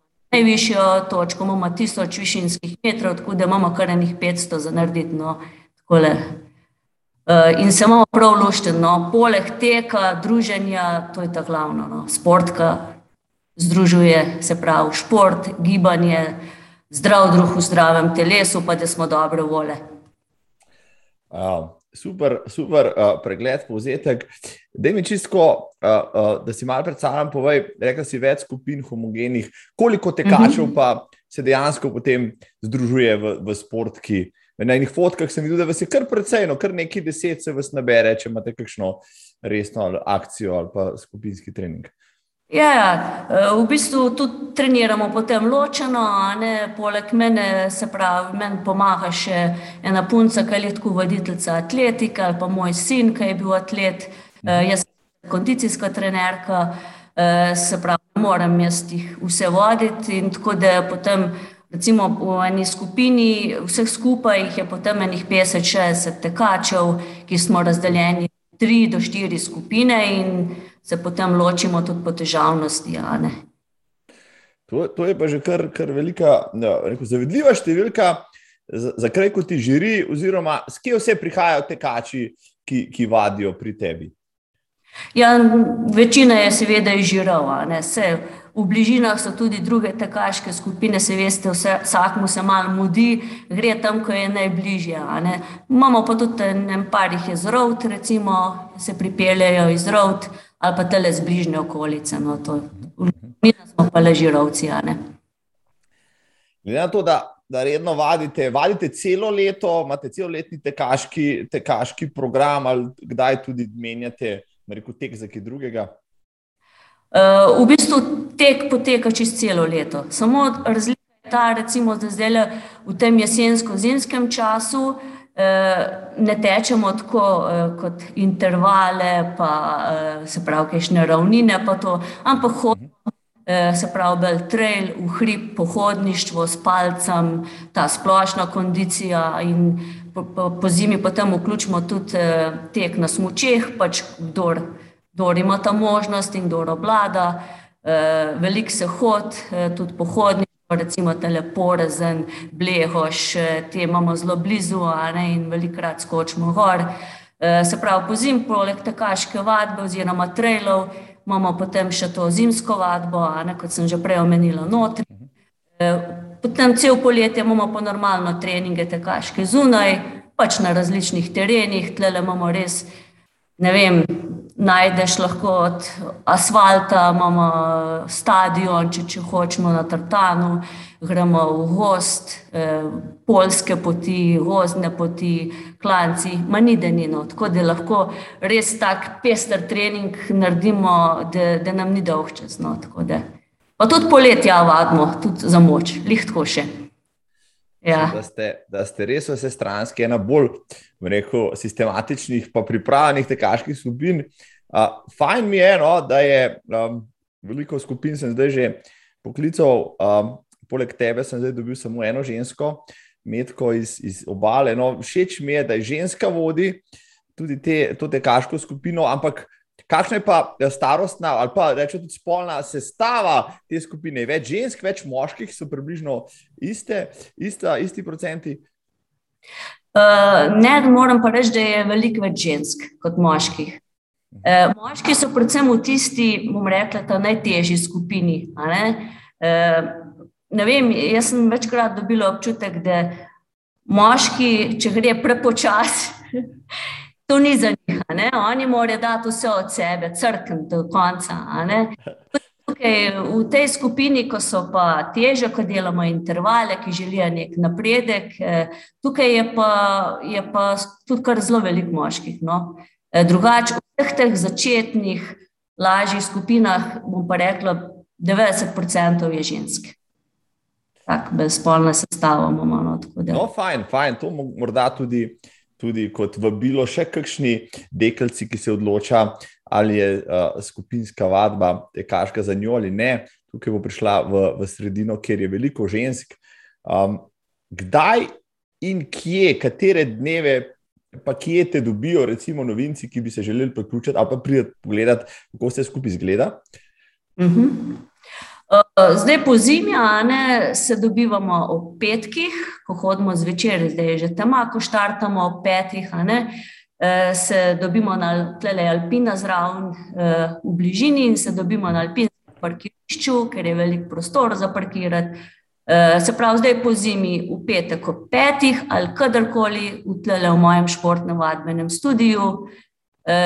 Poleti se pa pač, eh, smo pa različne skupine, ne, in vem, z enimi se dobimo v ponedeljek ob sedmih, drugimi v torek ob sedmih, eh, ene imamo potem četrtek ob sedmih, tako da smo različne skupine. Mene pa lahko, se se tako že rekel, smo tako mehni, da se vsi poznamo, eh, vsi vemo, kje je koho, da bi če ne poprašaš v najbližjem gostilni, kje tega dobimo, tako da ni problema. Mene lahko kadarkoli.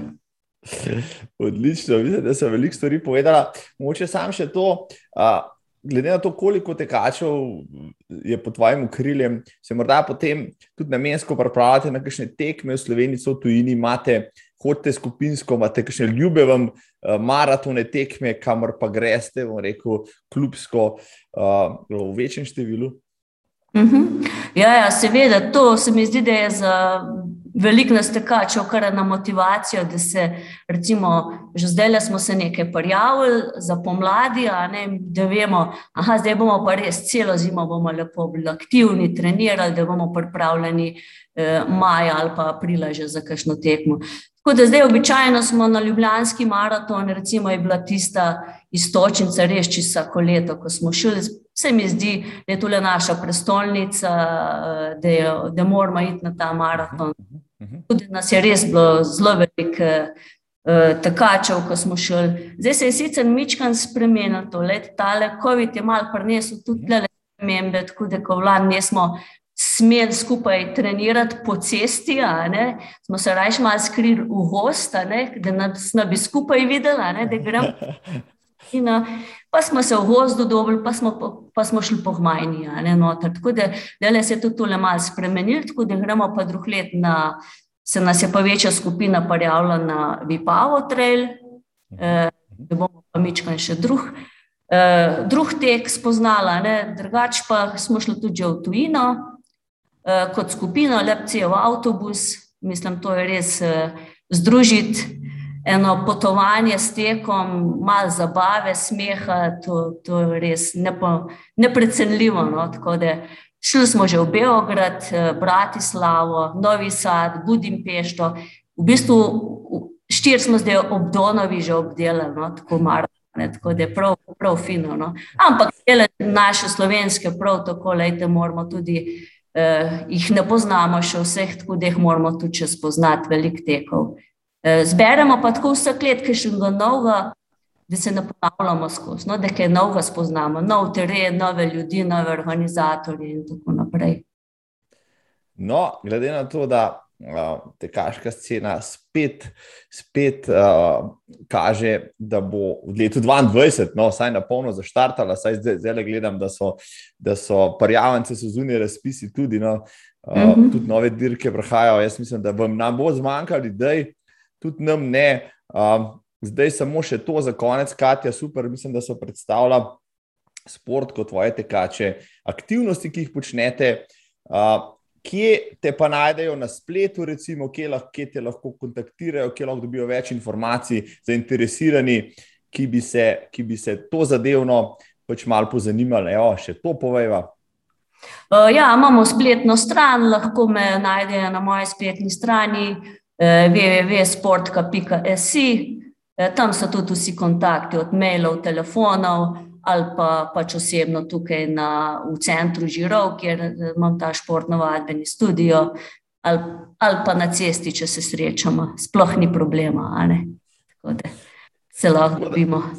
Super, Katja, mislim, da se bomo srečali uh, v živo na kakšni tekaški preditvi že spomladi. No, par si jih umenila, kamor imam mm -hmm. tudi jaz mhm. nameniti, sicer pa uh, se pravi, vse vidimo, še kakšno rečemo, uh, pa mi boš povedala, kako se za Ljubljanski maraton naslednji let pripravljati, uh, pa kje intervale delati, da bom lažji. Da, vse od sebe, pa po moško, ne, ker ego nam res ne da, crknu tudi na treningu.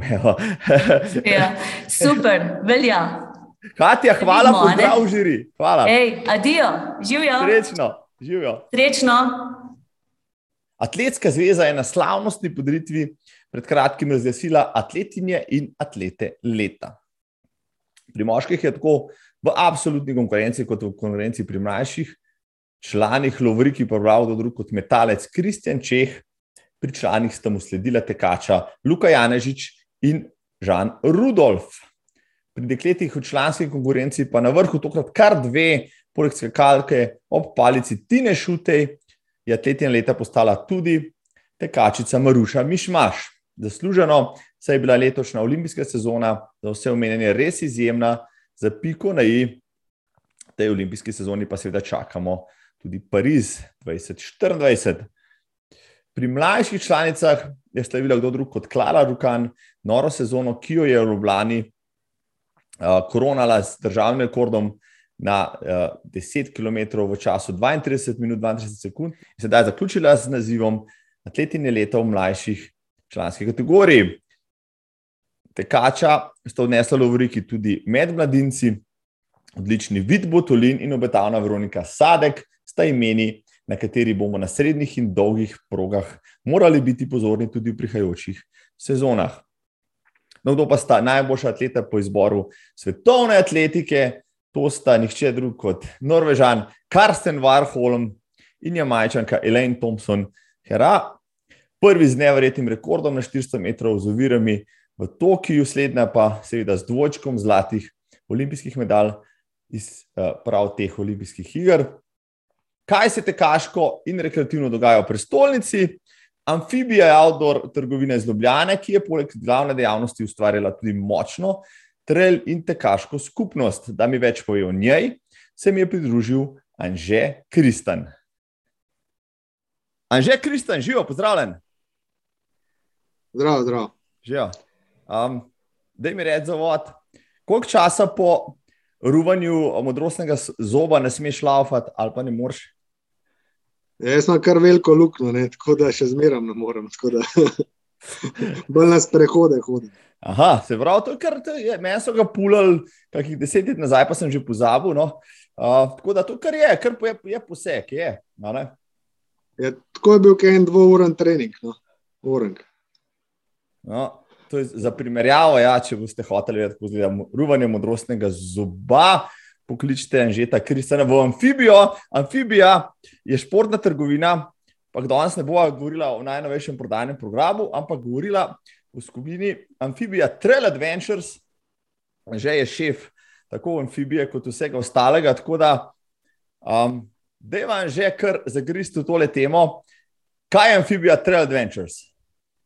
Ja, to je skupina prijateljev, mislim, zdaj smo v glavnem že prijatelji, vsi, tako da se družimo tudi drugače, ne samo preteko, drugače pa se divjamo po gozdu. Bolj, ma, manjša je potka, boljš namen. Ožje je singalca, bolj fanti in dekleta uživajo. Pri nas, pr nas je prav, da če ne veš, greš gor, greš dol, pa greš sigurno gor. Še eno dilemo smo razrešili, da se za nekaj se to sprašujejo. Povej mi, koliko časa že obstaja, zakaj je nastala ta skupina in kakšen je bil njen osnovni namen? Recimo? Ja, osnovni namen je bil, pa še zmeraj je pač druženje tekačev. Takrat mislim, da smo mi začeli ne osem let nazaj, nekih takih skupin, niti še ni bilo, sploh ne trailerskih. Ne? Tako da nas na začetku nas je bilo tudi po ne, 10 do 30, zdaj nas je malo manj. Ampak se dobivamo že vse čas, tam enkrat, dvakrat na teden, pa imamo še kakšne vikend, izzive, kakšne avanture kakšne več dnevne, tako da skozi akcije. Um, to v bistvu je v bistvu bolj spontano, oziroma um, vodeno druženje, ali so to neki, uh, organizirani treningi, ki so točno v določenih dneh in določenih urah na določenih mestih. Kako ste to organizirani? Je druženje, kot kar nek uh, trening. Ne? Dobivamo se pa načeloma ob istih urah, na iste dneve, lokacije se pa malo spremenjajo zato da ne tečemo skozi istih stvari. Tudi če gremo na isto lokacijo, je pa navadno vsakič malo drugače. Včasih gremo prej na pivo, če se nam ne da, včasih gremo kasneje. Tako da, odvisno. No? Ja. Se pravi, če bi želel postati a, del družine Amphibia Trail Adventures, pa bi se želel udeleževati teh vsako tedenskih izzivov, pa trail preizkušen s, s končnim pivom. Uh, katere dneve bi si moral rezervirati, pa koliko časa približno? Ja, načeloma se dobivamo ob torkih, pa v četrtkih, čeprav zdaj med zimsko sezono imamo ob torkih treninge, malo raztezanja, pa pilate zdelamo, ne? tako da trenutno je bolj četrtek. Um, dobivamo se načeloma pol osmih zvečer, tako da načeloma so večino leta lučke čelne obvezne. Najbolje je, da se ljudje prijavijo ja. no, v našo uh mhm, -huh. Facebook skupino, ker tam pač vedno objavljamo, kdaj pa kam gremo, kot dogodek. Uh, traje pa tam, kaj vemo, okrog dve uri.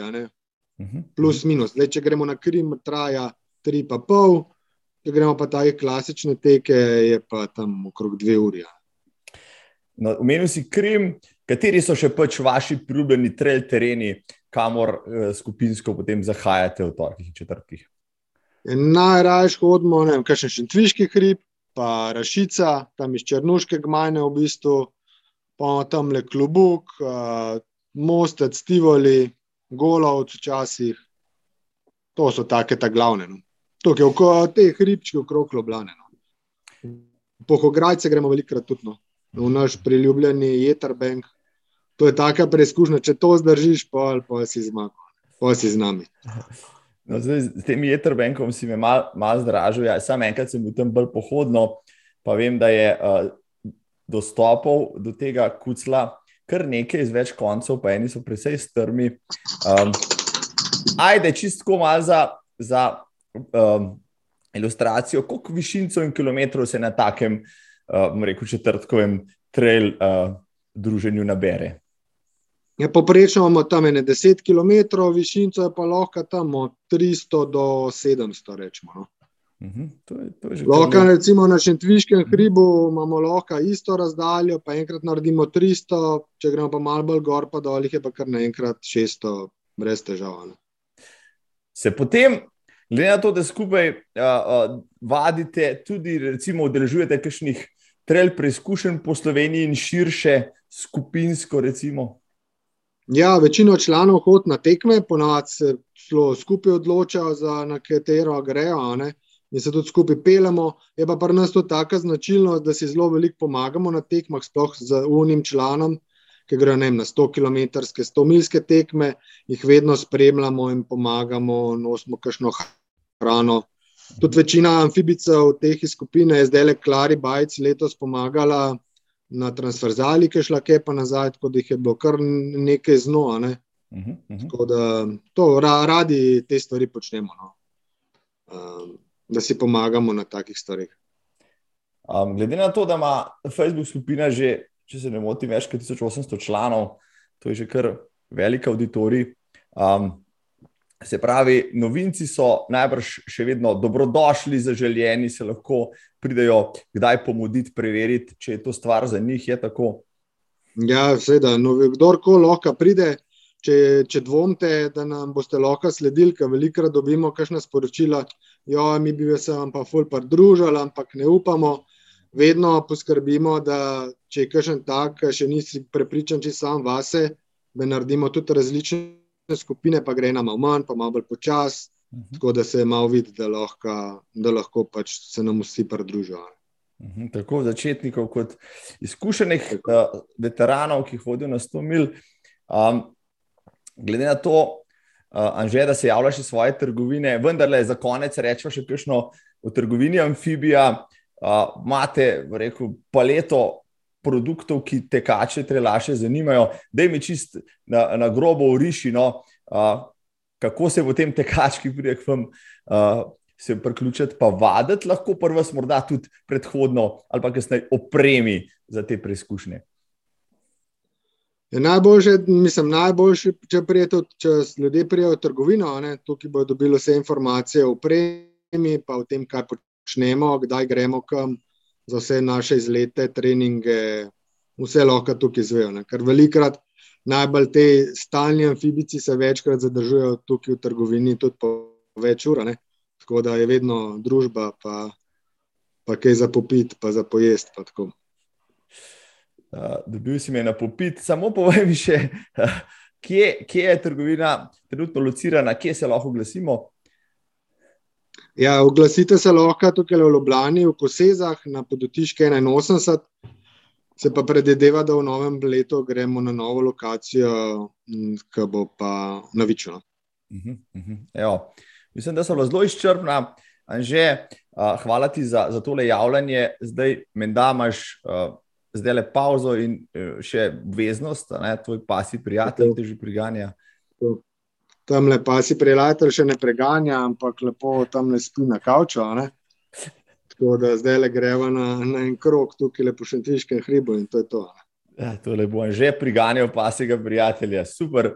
Um, Nujno še eno vprašanje, ker si poznavalec, strokovnjak na tem področju. Trail tekanje je vroča roba zadnjih nekaj sezon uh, skozi uh, koronsko obdobje, morda postal še bolj vroč, še bolj kot cestni tek. Kako ti gledaš na to rekel, ekspanzijo rekel, in trail tekačev in trail preditev in vsega, kar se uh, zraven tiče?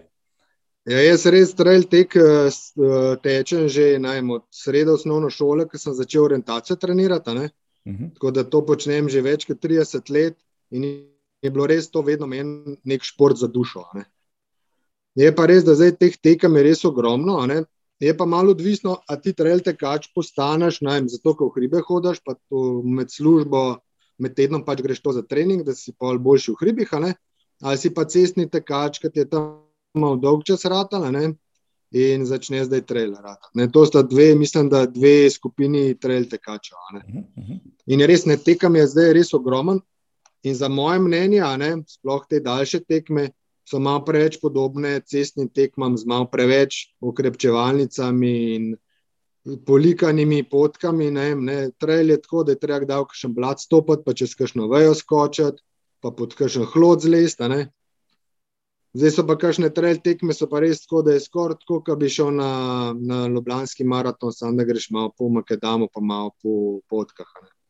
Tako da jaz sem res dušo trail tekačne in pač si tudi želim, da bi ljudje to spoznali. Ne, in ko gledali na trail tek, da je to nek, ne, da greš, pa daš možgane na off, pa, pa je. Ne.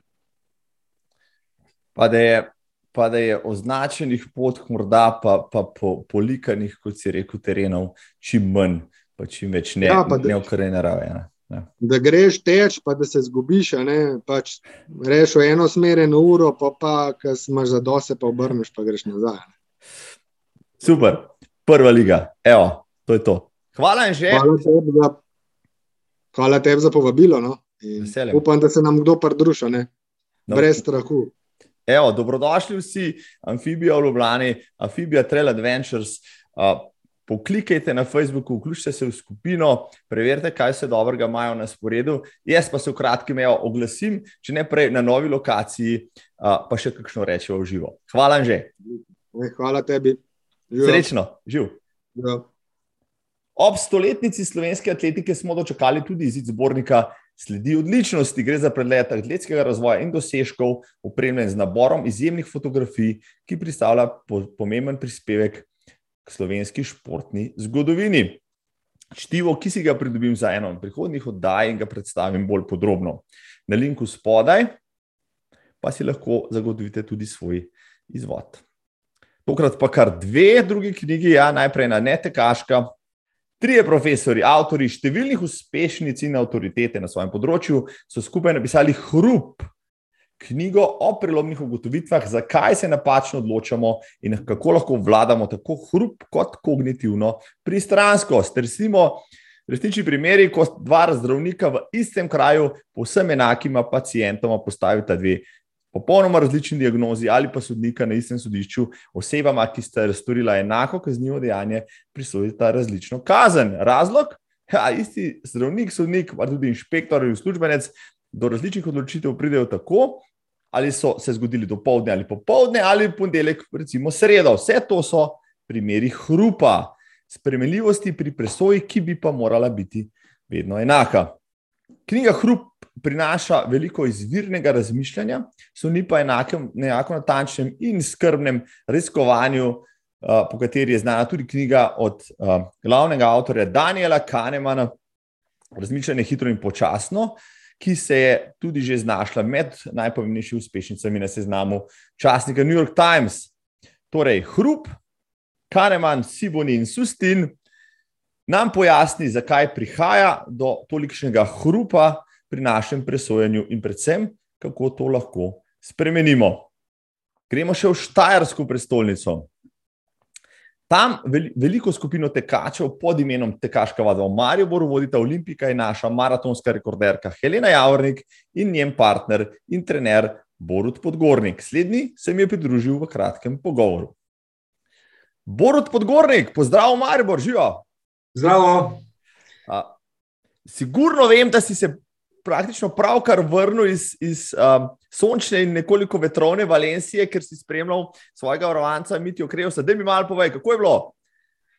Ja, maraton kot zmeraj v Valenciji je vrhunsko organizirana prireditev. Eh, vse sam veš, ker si bil tudi ti dolje že večkrat. Eh, tako da letos ni bilo nič drugače. Žal je pač eh, boljše ali pa tiste pričakovane rezultate z moto nepričakovano močan veter. Tako da mirne duše lahko rečemo, da je ta veter vzel kakšno minutko ali več, tudi recimo. Ja, jaz bi rekel kar dve. No. Kar dve, kar dve. ja kar ja. dve. No, na en način je to dober podatek, da vemo, če so sposobni naši maratonci planirati z mitijem, če so želeli ravno na vezi, pa pri tej temi, če spomladi, naslednje leto že kakšen maraton. Ja, seveda. Ne. Takoj smo, uh, ko smo končali, vse skupaj rahlo razočarana nad tem, da pač nismo do, dosegla zaželenega. Cilj je bil okoli 2014. Eh, norma za Evropsko prvenstvo v Münchnu, 2014-30 se nam je zdela obema dosegljiva in eh, realno eh, pričakovana. Uh, in smo te razgovore začeli praktično isti dan po maratonu. Seveda, spomladi in maraton nismo še izbrali, dokončne odločitve še ni padla. Uh, poskušala bomo nekje konec marca ali pa začetek aprila, to se pravi relativno zgodaj, da bi potem ostalo več časa tudi za poletno sezono. No? Še za kakšno drugo, kakšno desetko, ki si jo Mitja tudi želi teči precej hitreje, kot je do zdaj. Bravo, bravo. No, to so same dobre novice. Lej, uh, tale pogovor uh, bo potem nadaljevala spomladi na vsak način uh, z, ja. z, z veliko temami, ki jih moraš odpreti. Ampak danes uh, sem se pa dobila tukaj zato, da mi nekaj poveš o tvoji tekaški, vajeni tekaški skupini, ki jo imata s Heleno v Mariboru, tekaška vadba v Mariboru. Mi moraš povedati, uh, odkdaj, zakaj in koliko uh, vas je. Eh, še kakšen dober mesec in praznovali bomo deseto obletnico našega prvega srečanja, in seveda eh, praktično od takrat delujemo neprekinjeno.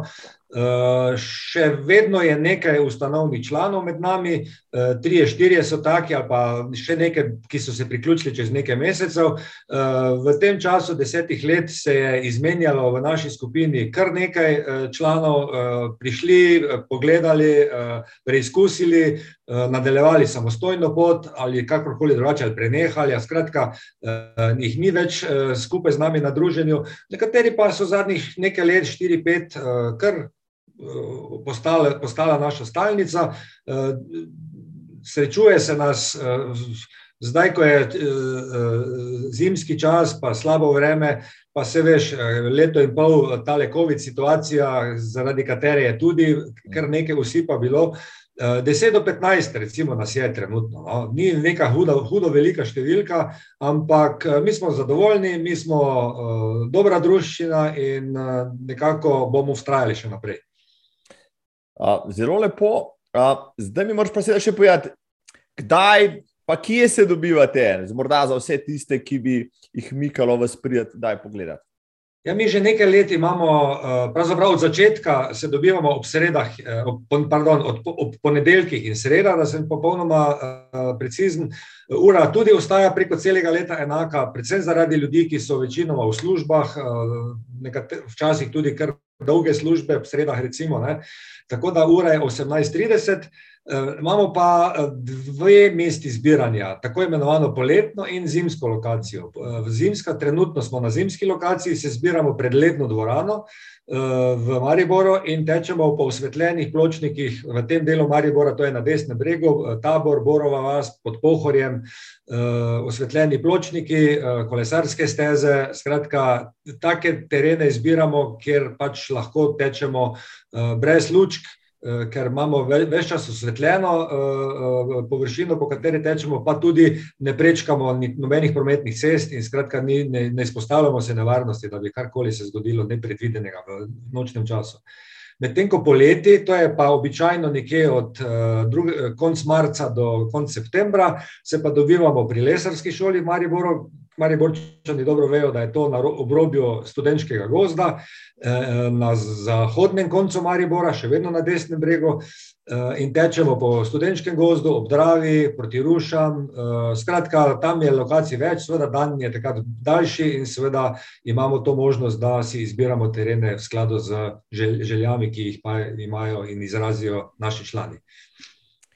Uh, super, se pa morda vaša skupina, vajna skupina, uh, to, da redno vadi tudi skupinsko, potem pripravlja za to, točno določene rekel, te, tekme, maratone, doma v tujini, morda.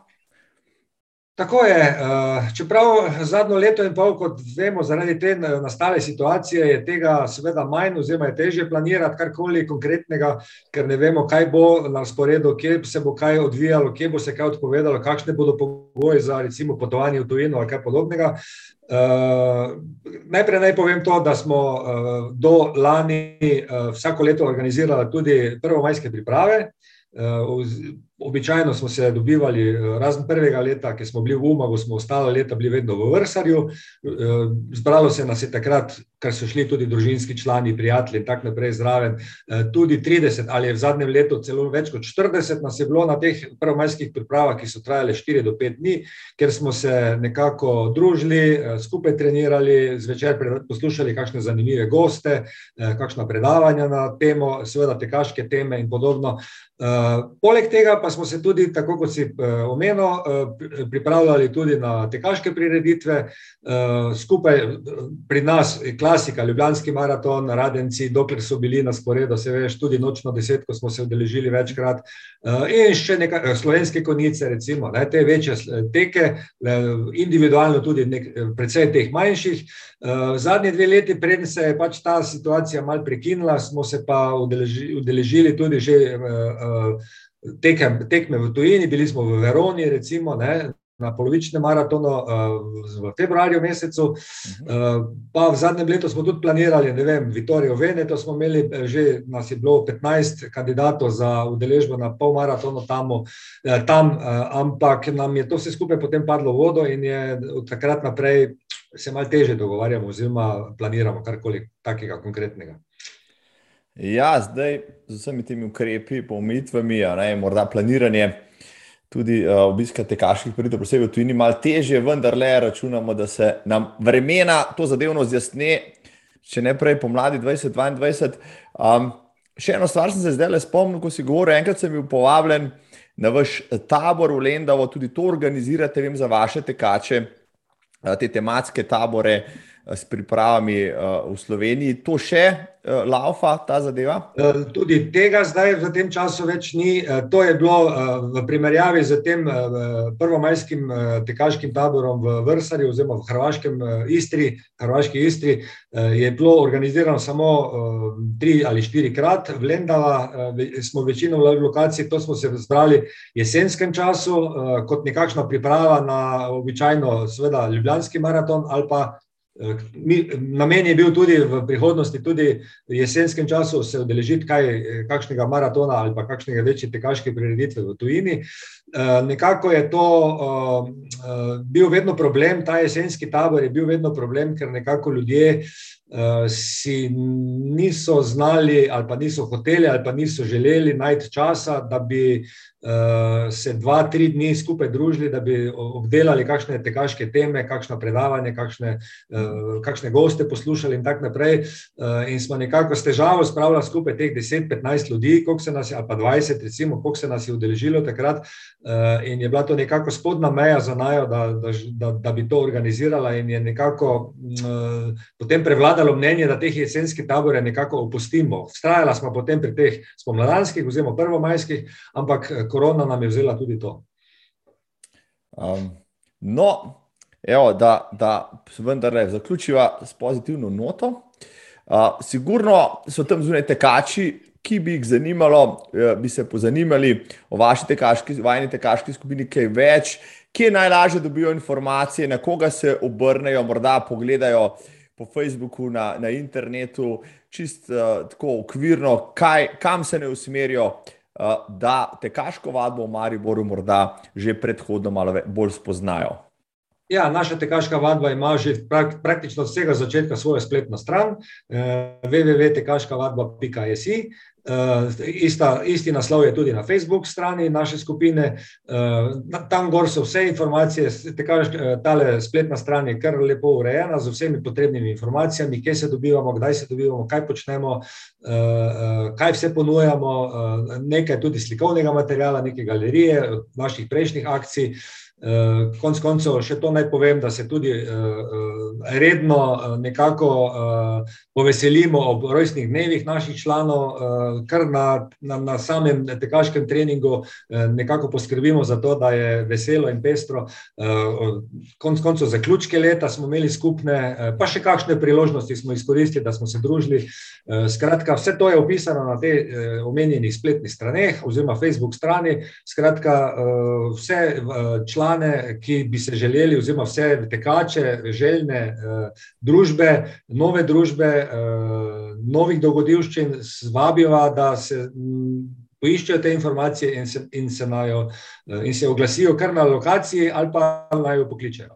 Prav. Sem, da so bila zelo izčrpna in informativna, ampak ker te imam ravno na vezi, me še nekaj zanima. Si poznavalec scene, um, strokovnjak na tem področju. Uh, Veliko se uh, po teh tekaških logih pogovarjamo o tem, uh, da je že pred korono bilo zaznati, da se rekel, cestne tekaške preditve stagnirajo, da, da ni več takega morda zanimanja, kot je, bil, kot je bilo predtem. Ampak ti si zdaj bil tudi že na slovenskih preditvah, letos pa na tujih. Kakšno je tvoje mnenje? Ne bo okrevanje tudi postkoronsko, uh, ki je uh, prizadelo cestne teke, morda še najbolj, bolj kot še trele, in tako naprej. Ja. Trajalo dalj časa, kaj, kaj predvidevaš? Se bomo kdaj vrnili na predkoronske številke, na številke, ki jih je recimo Ljubljanski maraton beležil vem, leta 2016 in tako naprej? Uh, jaz srčno upam, da ja. Uh, in želel bi si to. Uh, je pa res, da dejansko v zadnjih dveh, treh letih postal, so postali predvsem trail teki zelo popularni, uh, razne ultra variante. Skratka, mogoče so se ljudje začeli umikati nekako v naravo, v samoto, v, v, v, druge, v neko drugo okolje, kjer se počutijo mogoče celo varneje ali pa. Drugače eh, kot na tekaških prireditvah. Ampak eh, kot je pri vsaki stvari, jaz mislim, da teka, eh, tekaške prireditve na, na cesti so še vedno klasika in jaz verjamem, da se bo slejko prej tudi tule eh, situacija eh, ponovno vzpostavila taka, kot je bila, kot si omenil 4-5 let nazaj in da bomo spet eh, lahko doživeli te številke, tudi v Ljubljani, no, jaz upam.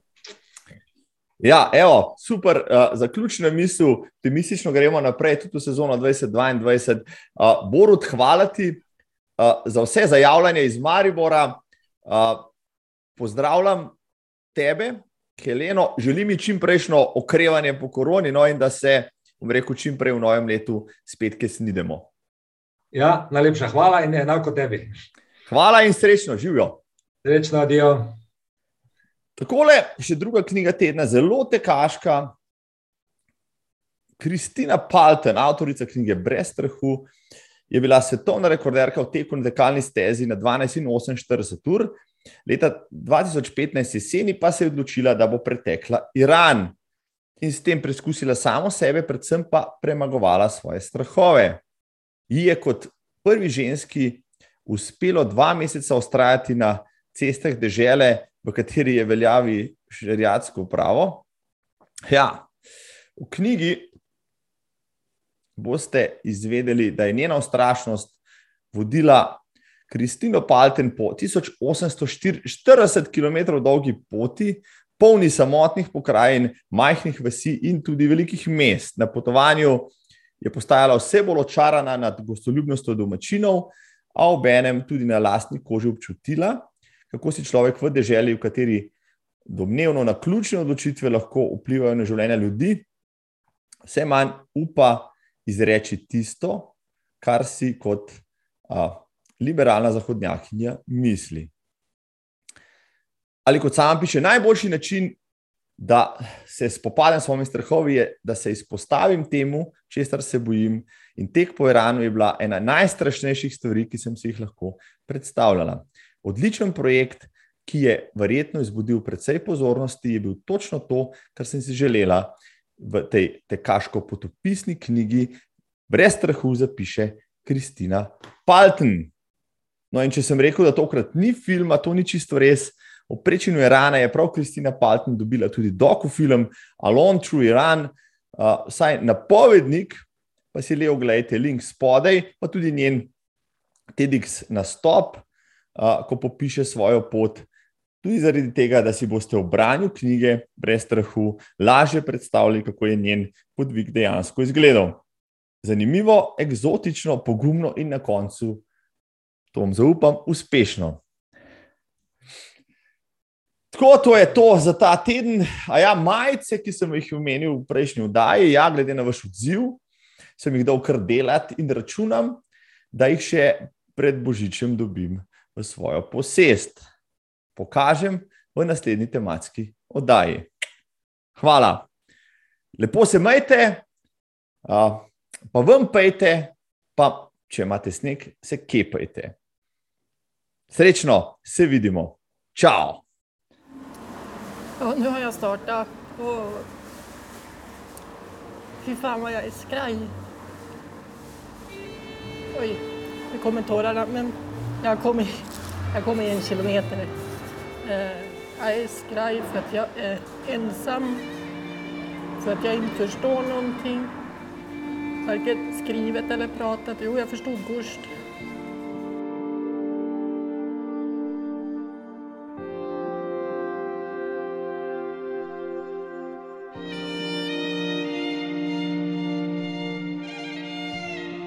Ja, det blir väldigt krasst. Ja, men varför finns jag här på jorden?